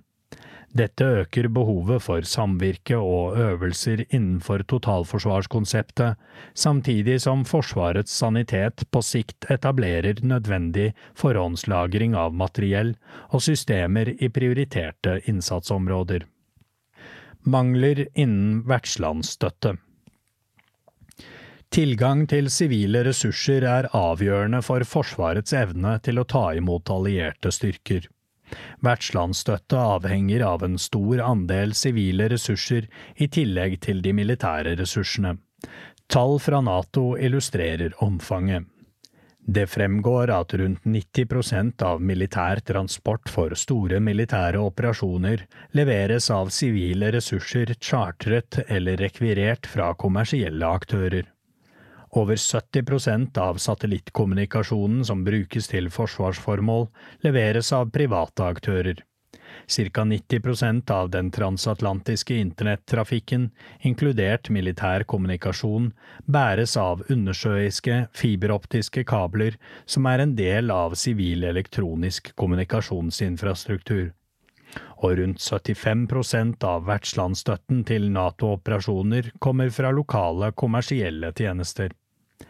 Effektiv bruk av sivile ressurser kan avhjelpe eventuelle mangler i den nasjonale evnen til å gi vertslandsstøtte til allierte. Med økt militært aktivitetsnivå i våre nærområder og med Sverige og Finland inn i NATO, vil vertslandsstøttebehovet øke. Hovedvekten av sivile ressurser som er avgjørende for Forsvarets evne til å ta imot allierte styrker, finnes i hovedsak i Sør- og Midt-Norge. Det er derfor en risiko for at det oppstår flaskehalser dersom mottak av allierte i Nord-Norge fordrer mer ressurser enn det som er tilgjengelig i landsdelen. Vei- og jernbanenettet har begrenset robusthet i deler av landet, det samme gjelder infrastruktur for enkelte typer drivstoff og kapasitet på transport. I krise eller væpnet konflikt vil Forsvaret og allierte være avhengige av en rekke kritiske samfunnsfunksjoner, slik som kraftforsyning og elektroniske kommunikasjonstjenester. Denne er mindre robust nord i landet. Forsyningssikkerheten og forsyningsberedskapen innen enkelte av Forsvarets forsyningsklasser er også sårbar eksempelvis reservedeler, legemidler og medisinsk utstyr, samt forsyninger og mat, i tillegg til enkelte typer drivstoff. Sårbarhetene skyldes delvis lange verdikjeder og delvis relativt små beredskapslagre. Godt sivil-militært samarbeid og god kompetanse er avgjørende for norsk evne til vertslandsstøtte. Det må derfor sikres tilstrekkelig øving på vertslandsstøtte, hvor militære og sivile totalforsvarsaktører deltar. Dette omfatter også deltakelse fra offentlige, private og frivillige aktører. Forsvaret må være tydelige overfor sivile aktører om behovet for kritiske tjenester og infrastruktur. Rettslige rammer Forsvarets behov for sivil støtte reiser en rekke rettslige spørsmål. I fredstid kommer dette sjelden på spissen og kan løses gjennom frivillige avtaler om samarbeid og kjøp av varer og tjenester. I krise og krig må myndighetene ha rettslig kompetanse til å pålegge andre offentlige etater og ikke minst private borgere og bedrifter plikt til å yte den bistand til Forsvaret som er nødvendig for å møte nasjonale trusler med samfunnets fellesressurser. Dette ivaretas gjennom den såkalte beredskapslovgivningen, som omtalt i kapittel tre. De mest sentrale lovene på området er beredskapsloven og rekvisisjonsloven, som begge ble vedtatt tidlig på 1950-tallet, i kjølvannet av erfaringene fra annen verdenskrig og etter bred samfunnsdebatt. Disse lovene gjelder fortsatt, og utgjør en bunnplanke i systemet, som senere er supplert med en rekke andre lover, forskrifter og instrukser. Noen av disse regulerer rent sivile sider av beredskapen, mens andre også har en side mot Forsvarets behov. Forsvarskommisjonen har ikke ansett det for del av sitt mandat å revidere beredskapslovgivningen, som ville vært et omfattende lovarbeid og en problemstilling som Totalberedskapskommisjonen har vært opptatt av i sitt arbeid. Samtidig er dette helt sentral lovgivning for Forsvarets evne til å utføre sitt oppdrag, både i fredstid og særlig ved krise og krig. På den bakgrunn er det naturlig å ha visse overordnede synspunkter på hvordan systemet i dag fungerer, og hvordan det kan og bør videreutvikles fremover. Beredskapsloven av 1950 gir regjeringen vide fullmakter dersom Stortinget er avskåret og riket er i krig eller krig truer, eller rikets selvstendighet eller sikkerhet er i fare, til å gi bestemmelser av lovs rang om sivile og militære forhold, herunder for å fremme og trygge militære tiltak, samt utskriving av arbeidskraft til militære eller sivile formål. Loven er gammel, og på enkelte punkter kan den antas å trenge oppdatering, som i paragraf seks om forholdet mellom forsvar og politi på krigsskueplassen. På generelt grunnlag mener kommisjonen at beredskapsloven av 1950 har stått seg godt, så langt den rekker. De fullmaktene den gir er vide og fleksible nok til å ivareta dagens behov og tilpasses et nytt trusselbilde, og det er fordeler knyttet til å beholde den gamle og autoritative teksten som en ramme. Samtidig er det mange spørsmål som ikke er dekket av loven, og heller ikke av annen lovgivning, og der det kan være behov for å supplere og utfylle. En utfordring med beredskapsloven er at terskelen for å bruke den er høy. Den er først og fremst myntet på krig og krigslignende situasjoner, og selv om den også kan brukes når rikets selvstendighet eller sikkerhet er i fare, kan det tenkes andre typer kriser og skarpe situasjoner der Forsvaret har behov for sivil støtte uten at terskelen for bruk av beredskapsloven er nådd. Rekvisisjonsloven går lenger, og kan også brukes av Forsvaret i andre beredskapssituasjoner, men gir ikke like vidtgående fullmakter. I den senere tid er planene for bruk av rekvisisjonsinstituttet i noen grad oppgradert, og dette er prosesser som kommisjonen mener bør videreføres, blant annet opp mot privat lufttransport, som sivile fly og helikoptre. En annen utfordring med beredskapsloven er at den bare gir generelle hjemler, og ikke nærmere regulerer hvordan de best skal brukes. Det gir fleksibilitet, men samtidig lite forutsigbarhet, og når krisen først inntreffer, vil det typisk være lite tid til å utforme de forskrifter, instrukser og systemer som er nødvendige.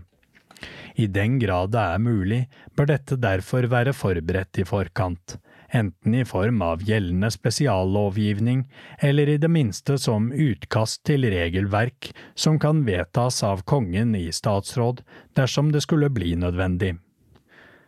Et eksempel kan være utskrivning av arbeidskraft til sivilmilitære formål. Når terskelen for bruk av beredskapsloven er inntrådt, kan den brukes til dette men det kan tenkes tilfeller der myndighetene har behov for å pålegge visse grupper privat arbeidsplikt til støtte for Forsvaret også i andre situasjoner. Dette er en problemstilling som bør være gjennomtenkt i forkant, og ikke først når behovet oppstår. Arbeidsplikt ved krise og krig er derfor en type spørsmål som kommisjonen antar med fordel kan utredes og reguleres nærmere. Hva gjelder forberedelse av andre type forskrifter og instrukser for å ivareta Forsvarets behov i krise og krig, er dette noe som faller innenfor det detaljerte og graderte planverket i beredskapssystem for Forsvaret og sivilt beredskapssystem. Kommisjonen er kjent med at det pågår prosesser for å oppdatere dette, og gir sin tilslutning til at dette arbeidet prioriteres og ferdigstilles. Forsvaret har et høyt antall sivilt ansatte i funksjoner som også må ivaretas i krise og krig, og antallet bør antageligvis økes i årene som kommer. I desember 2022 vedtok Stortinget endringer i forsvarsloven som tydeliggjør at Forsvaret ved å inngå kontrakter om tjenesteplikt med sivilt ansatte, kan presisere at de er pliktige til å utføre sitt arbeid også ved krise og krig, og uavhengig av hvilken risiko dette vil kunne innebære.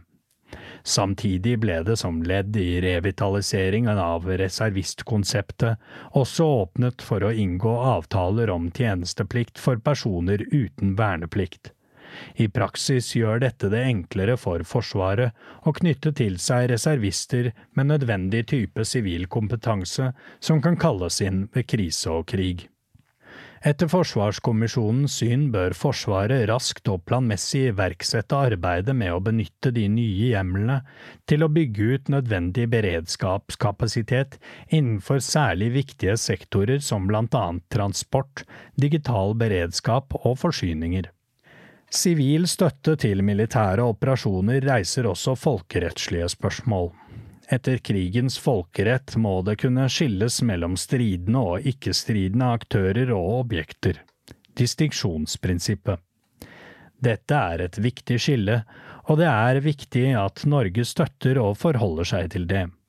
Samtidig er det en erkjennelse at Norge ved krise og krig ikke vil kunne forsvares uten omfattende bistand fra ikke-militært personell, også til virksomhet som støtter militære operasjoner eller kan sies å være i en gråsone. Som beskrevet i kapittel ti vil fremtidens konflikter kunne være totale og ikke territorielt avgrenset. Potensielle fiender vil antagelig bry seg lite om den folkerettslige distinksjonen. Dette illustreres blant annet gjennom de russiske angrepene på sivile mål og sivilbefolkningen i Ukraina. Kommisjonen viser til at dette er spørsmål som har kommet opp under øvelser i de senere år, og at Stortinget har fattet anmodningsvedtak om nærmere utredning. For sin del vil kommisjonen påpeke at løsningen først og fremst må ligge i en erkjennelse av at relativt store grupper personell må være beredt til å bli definert som stridende, og uansett kan bli betraktet av en potensiell fiende som det. Beredskapslovgivningen må utformes med dette for øye, og på en måte som ivaretar samfunnets grunnleggende sikkerhetsbehov ved krise og krig. Det kan skje på flere måter, herunder både gjennom avtaler om tjenesteplikt for reservister og om nødvendig med særskilt regulering for andre typer særlig viktige personell. Forsvarskommisjonen vil anbefale at dette arbeidet prioriteres, og at det sees hen til relevant regelverk hos våre allierte. Nasjonal sikkerhets- og forsvarsindustri Industri som del av totalforsvar Sikkerhetsindustrien og forsvarsindustrien er en viktig del av totalforsvaret, og blir enda viktigere fremover. Den teknologiske utviklingen går raskt, og denne må omsettes til operativ nytte gjennom nytt eller oppdatert materiell fra industrien. Dette skal skje i en verden der verdikjeder, kompetanse og teknologi skal beskyttes.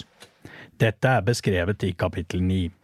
I kapittel ti ble det drøftet hvordan globalisering har skapt sterke kommersielle krefter som må utnyttes ved industriell krigføring og for å understøtte forsvarsevne og utholdenhet. Dette forsterkes av en krigføring som utnytter gråsoner og sammensatte trusler for å svekke hele samfunnet, også industri og næringsliv. Norsk industri er del av den allierte industribasen. Samarbeid med allierte er nødvendig for å styrke utviklingskapasitet og sikre materiellets interoperabilitet i operasjoner. Ny teknologi og utviklingen av mer sammensatte trusler gir fremvekst av en bredere industribase utover den klassiske forsvarsindustrien, eksempelvis innen cybersikkerhet og romvirksomhet. Norsk forsvarsindustripolitikk og politikk for innovasjon i forsvarssektoren utvikles i nært samarbeid med allierte og med bakgrunn i den løpende internasjonale utviklingen. Samarbeid med allierte gir tilgang til kompetanse og løsninger som er utenfor Norges egenevne. Militær teknologiutvikling sammen med allierte vil være kosteffektivt. Det vil også sikre at systemene har felles standarder, slik at de kan virke sammen i fellesoperasjoner. Det er også en del av byrdefordelingen i alliansen. Utviklingssamarbeid gir muligheter til å påvirke ytelseskrav og utvikle delsystemer som møter nasjonale behov. Dersom Norge skal opprettholde sine teknologiske fortrinn og bidrag til forsvarsindustribasen, må staten vise vilje til å ta risiko på langsiktig forskning og kontrakter. Dette må kombineres med næringslivets evne til innovasjon og ressursutnyttelse.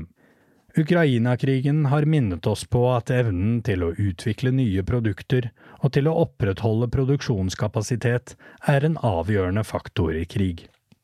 I regjeringens forsvarsindustrielle strategi fra 2021 er målsettingen å videreføre og styrke en internasjonalt konkurransedyktig norsk forsvarsindustri. Denne må ha evne til å utvikle, produsere og understøtte forsvarsmateriell, systemer og tjenester innenfor teknologi og kompetanseområder som er viktige for å ivareta nasjonale sikkerhetsinteresser og Forsvarets behov. Kommisjonen mener at denne strategien må videreutvikles.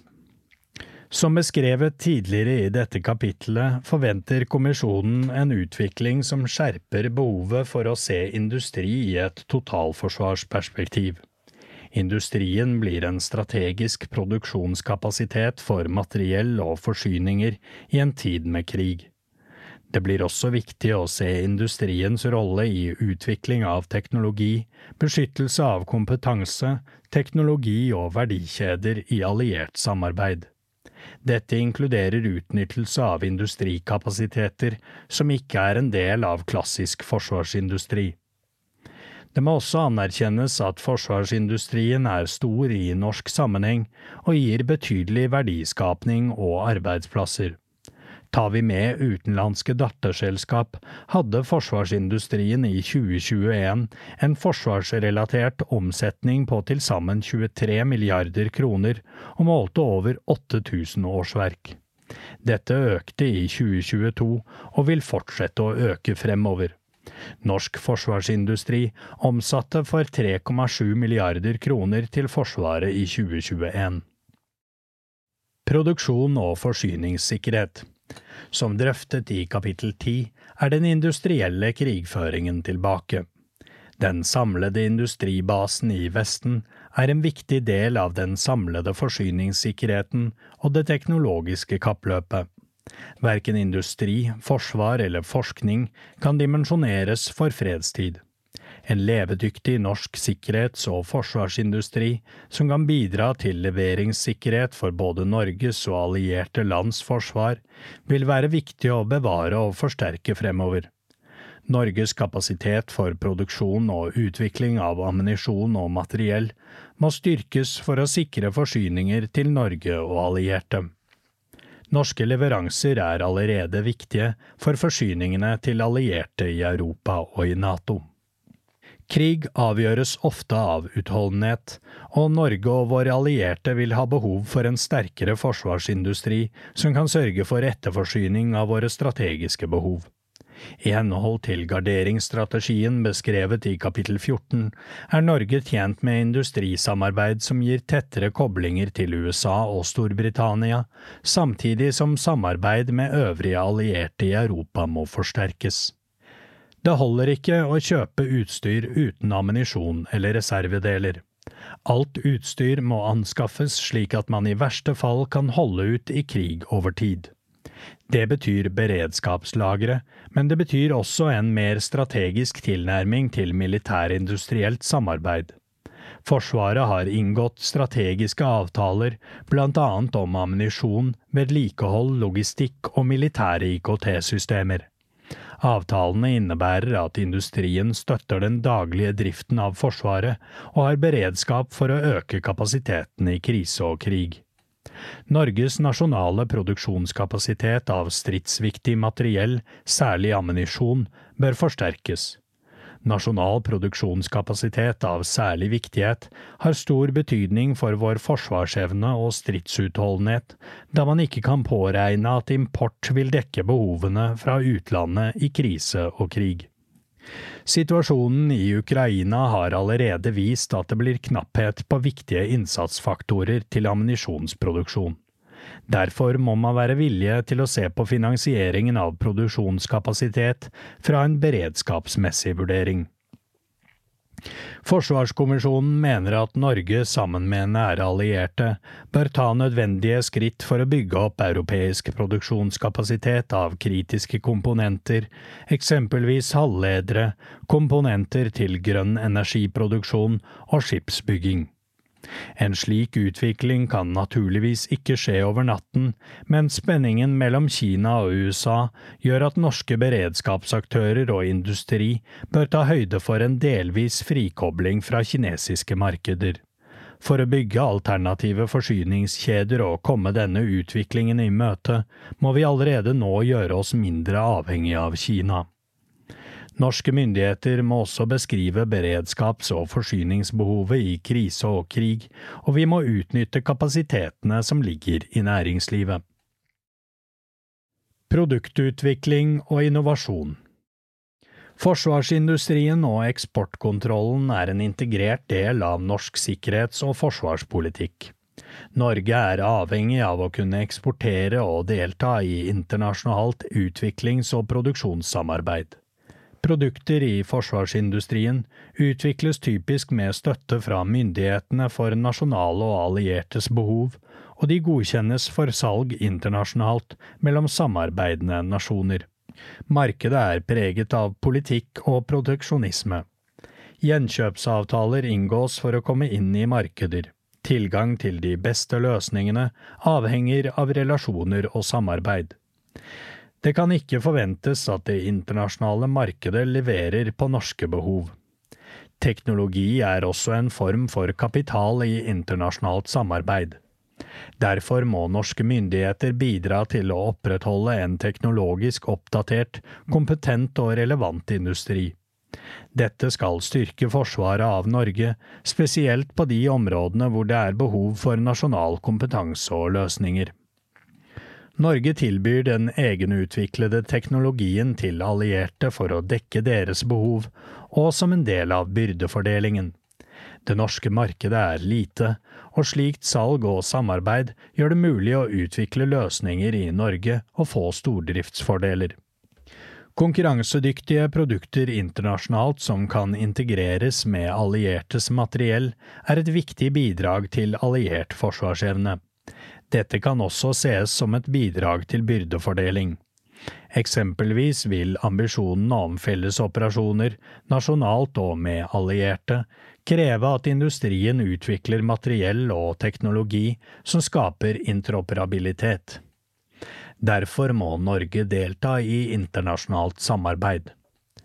Forsvarskommisjonens klare inntrykk fra møter med departementet, forsvarsindustrien og utenlandske aktører er at norske selskaper er svært konkurransedyktige og presterer i verdensklasse. Produktene kjøpes blant andre av USA, som ønsker aller høyeste standard. Forsvarsindustrielt samarbeid er en vesentlig del av det bilaterale samarbeidet. Dette muliggjør salg også til flere allierte, og legger til rette for gjenkjøpsavtaler og stordriftsfordeler. Selskaper har fått innpass i andre lands forsvar og bidrar til felles kompetanse. De opparbeider en forståelse av allierte som i flere tilfeller er større enn Forsvaret selv har. Forsvarskommisjonen mener norske myndigheter må fortsette å legge til rette for at industrien har mest mulig tydelige og forutsigbare vilkår for sin eksportaktivitet. Skal forsvarsindustrien forbli konkurransedyktig, styrke sin leveranseevne og utvikle nye relevante produkter, må en støttende industripolitikk videreføres. Det norske markedet er for lite, og risikoen dermed for stor for at industrien kan satse på produkter og gjøre store investeringer som bare har et norsk marked. Den norske industrien er en del av Norges bidrag til teknologikappløpet og forsyningssikkerhet i Europa og NATO. EU ønsker en konsolidering av industrien i Europa, og dette kan påvirke norske selskaper. Ny teknologi tas ofte frem i selskaper som ikke er en del av den tradisjonelle forsvars- og sikkerhetsindustrien. Denne teknologien må bidra til innovasjon i militære produkter, og slike selskaper og teknologi må inngå i en norsk industristrategi. Det er internasjonal interesse for hvordan Norge som et lite land klarer å være innovativ og skape konkurransedyktige og verdensledende produkter. Den gjeldende innovasjonsmodellen i forsvarssektoren er trekantsamarbeidet. Dette er en klassisk brukerorientert innovasjonsmodell som baserer seg på det integrerte samarbeidet mellom forsvarssektoren, som har behovene, forskningsmiljøene som ser det teknologiske mulighetsrommet og modner teknologien, og forsvarsindustrien som realiserer produktene. Modellen fremmer forutsigbarhet, langsiktighet, rollefordeling, kompetansebygging og tidlig dialog på strategisk nivå. Dette er viktig i et marked med stor risiko og usikkerhet. De korte linjene i en liten nasjon som Norge forsterker virkningen. Alle de store suksessene i forsvarsindustrien som luftvern, missiler, kommando, kontroll og kommunikasjonssystemer, rakettmotorer, ammunisjon, våpenstasjoner og undervannssystemer har kommet frem gjennom denne modellen. For å fortsette utviklingen og gi gode bidrag til forsvarsevnen, må norsk industri henge med på den teknologiske utviklingen og samarbeide om internasjonale standarder. Industriens kompetanse og innovasjonsevne må utnyttes bedre. Trekantmodellen bør videreutvikles for hurtigere innovasjon og for å revitalisere og forsterke samspillet mellom partnere. En videre satsing på modellen må ikke gå på bekostning av Forsvarets evne til å teste og anskaffe produkter fra mindre og uavhengige aktører. Kompetanse innen ny teknologi er på mange områder også sterkere utenfor den tradisjonelle forsvarsindustrien. Modellen kan derfor utvides med flere aktører, og den kan tjene innovasjonsbehovet for deler av totalforsvaret. Trekantmodellen må da forsterkes med deltakere som kan fylle behovene for aktørene i totalforsvaret, og relevant industri som kan bidra til realisering av løsningene. En forutsetning for å ta risiko er at industrien har langsiktighet, forutsigbarhet og like konkurransevilkår. Satsingen bør skje i tett samarbeid mellom forsvarssektoren, industri og FoU og kunnskapsmiljøer. Den bør også skje i samarbeid med internasjonale samarbeidspartnere.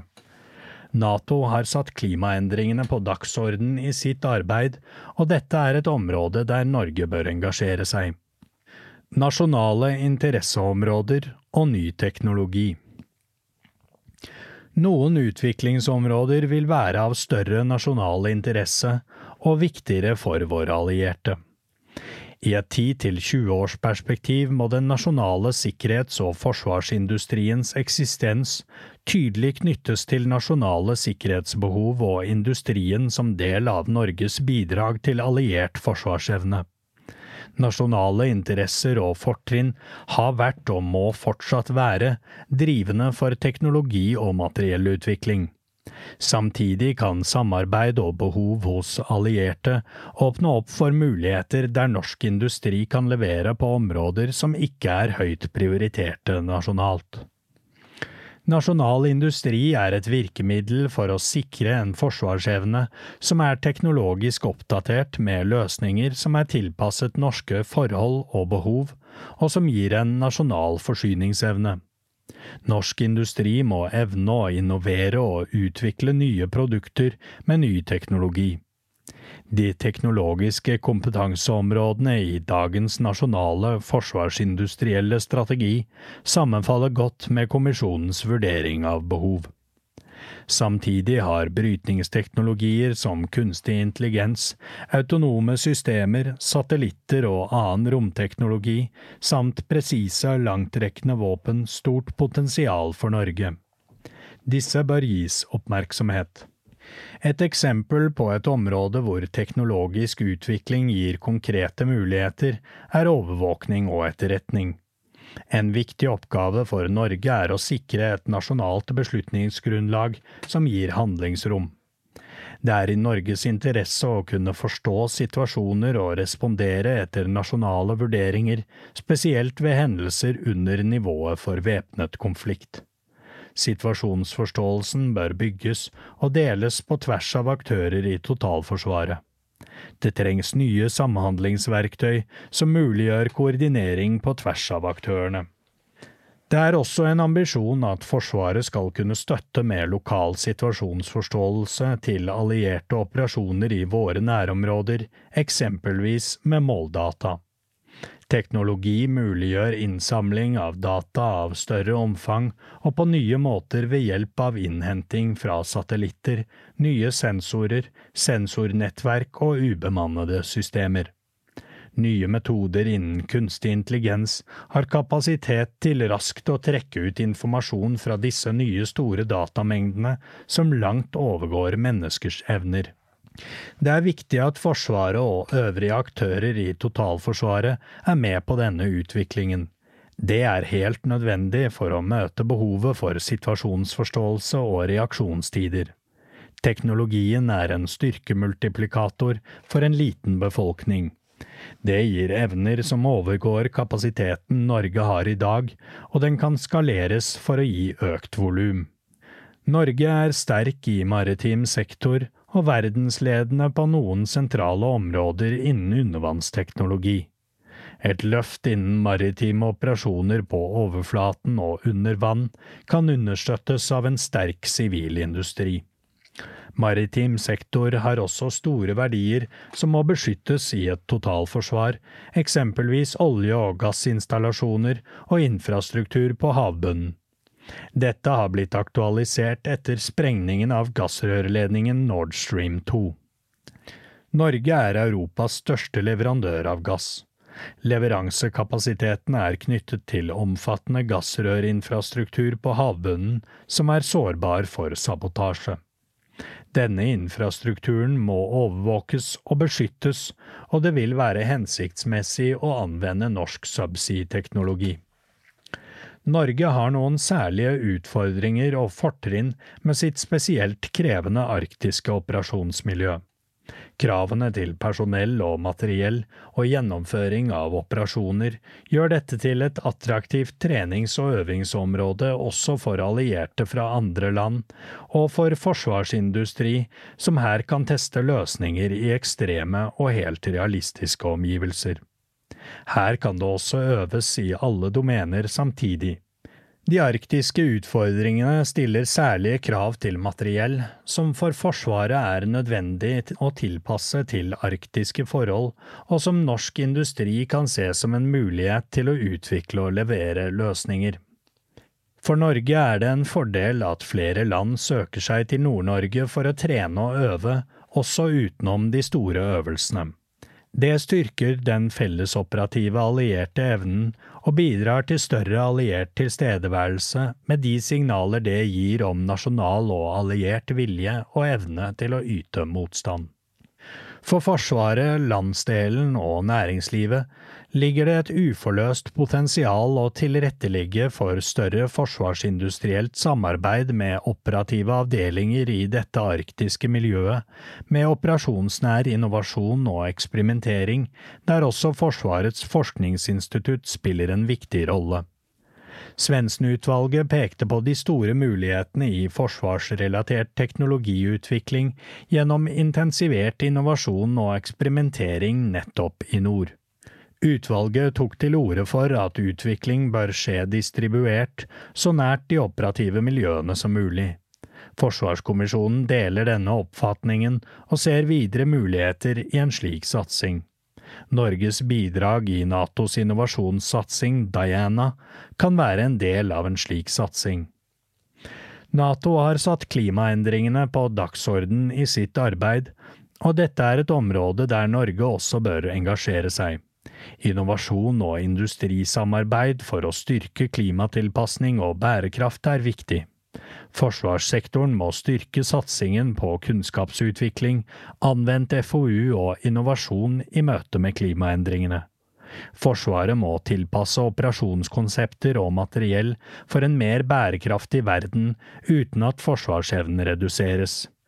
Nytt materiell bør utvikles og anskaffes ut fra krav til klima- og miljøavtrykk, klimatilpasning, sirkulærøkonomi og robuste fremtidige energiløsninger. Et eksempel på miljøvennlige konsepter som også styrker forsvarsevnen, er at flere nasjoner trener og øver mer digitalt og ved bruk av simulator. Kommisjonens vurdering Sammensatte trusler må møtes med bedre situasjonsforståelse og styrket motstandsdyktighet i samfunn og befolkning. Norske myndigheter må videreutvikle evnen til å varsle om trusler og innhente og analysere relevant informasjon. Det er en grunnleggende forutsetning for forsvaret av Norge. Etterretning og situasjonsforståelse blir viktigere i årene fremover.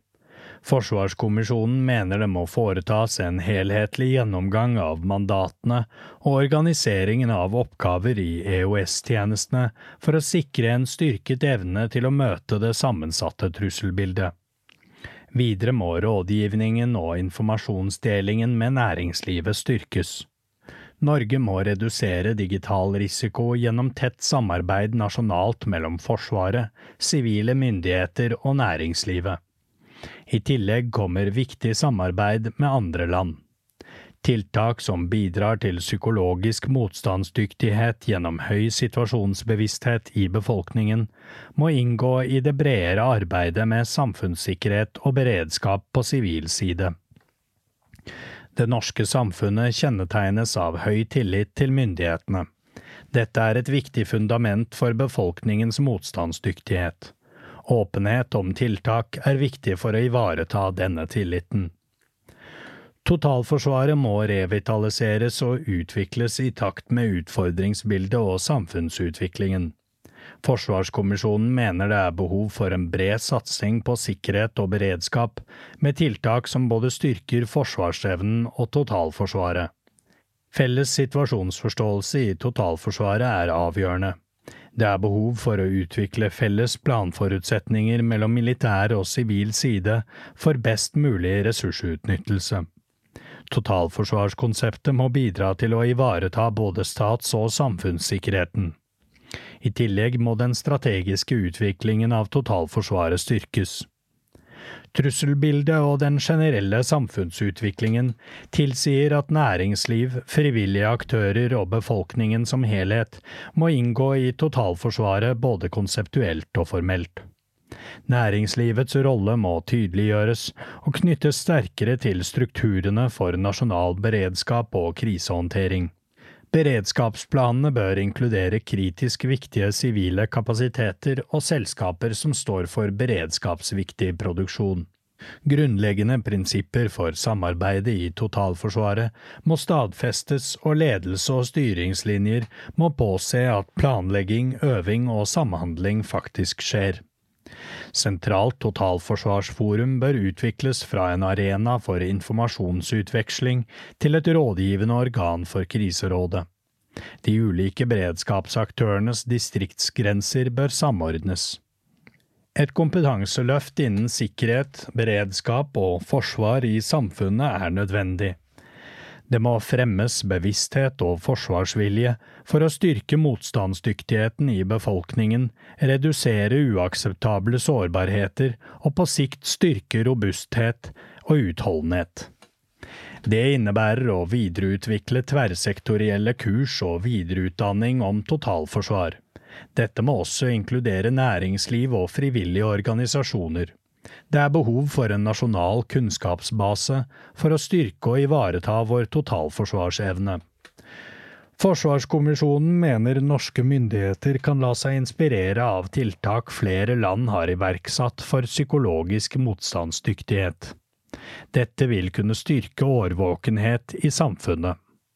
Norge bør også ta initiativ til å styrke det nordiske beredskapsarbeidet ved å være en drivkraft for forsterket nordisk samarbeid om samfunnssikkerhet og beredskap og videreutvikling av totalforsvarskonseptet. De samlede sivile og militære ressursene må anvendes i best mulig grad i hele krisespekteret og i større grad enn i dag. Mulighetene for at kapasiteter som bygges opp kan brukes både sivilt og militært, må vurderes.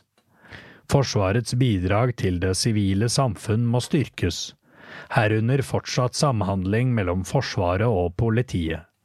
Forsvarets ressurser er nødvendige for å kunne håndtere mange av de forventede truslene mot samfunnssikkerheten fremover. Dette bør i større grad tas hensyn til når man vurderer fremtidige oppgaver. Forsvaret bør prioritere og konsentrere seg om operativ virksomhet og militære kjernefunksjoner. Arbeidet med å planlegge og legge til rette for den sivile støtten til Forsvaret må fortsette. Det betyr økt profesjonalisering og formalisering av beredskapsordninger og beredskapsavtaler for å gi forutsigbarhet og tilgjengelighet. Forsvaret må tydeliggjøre sine forventninger til sivil sektor.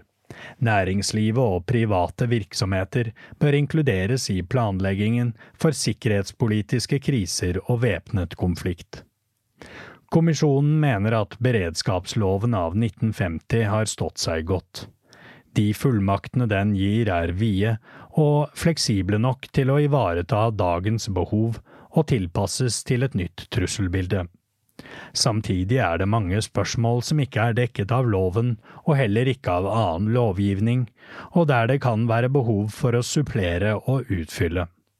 Det må sørges for at rettslige forhold tillegges tilstrekkelig vekt i planleggingen og videreutviklingen av det strategiske samarbeidet for optimal bruk av ressurser i krise og krig.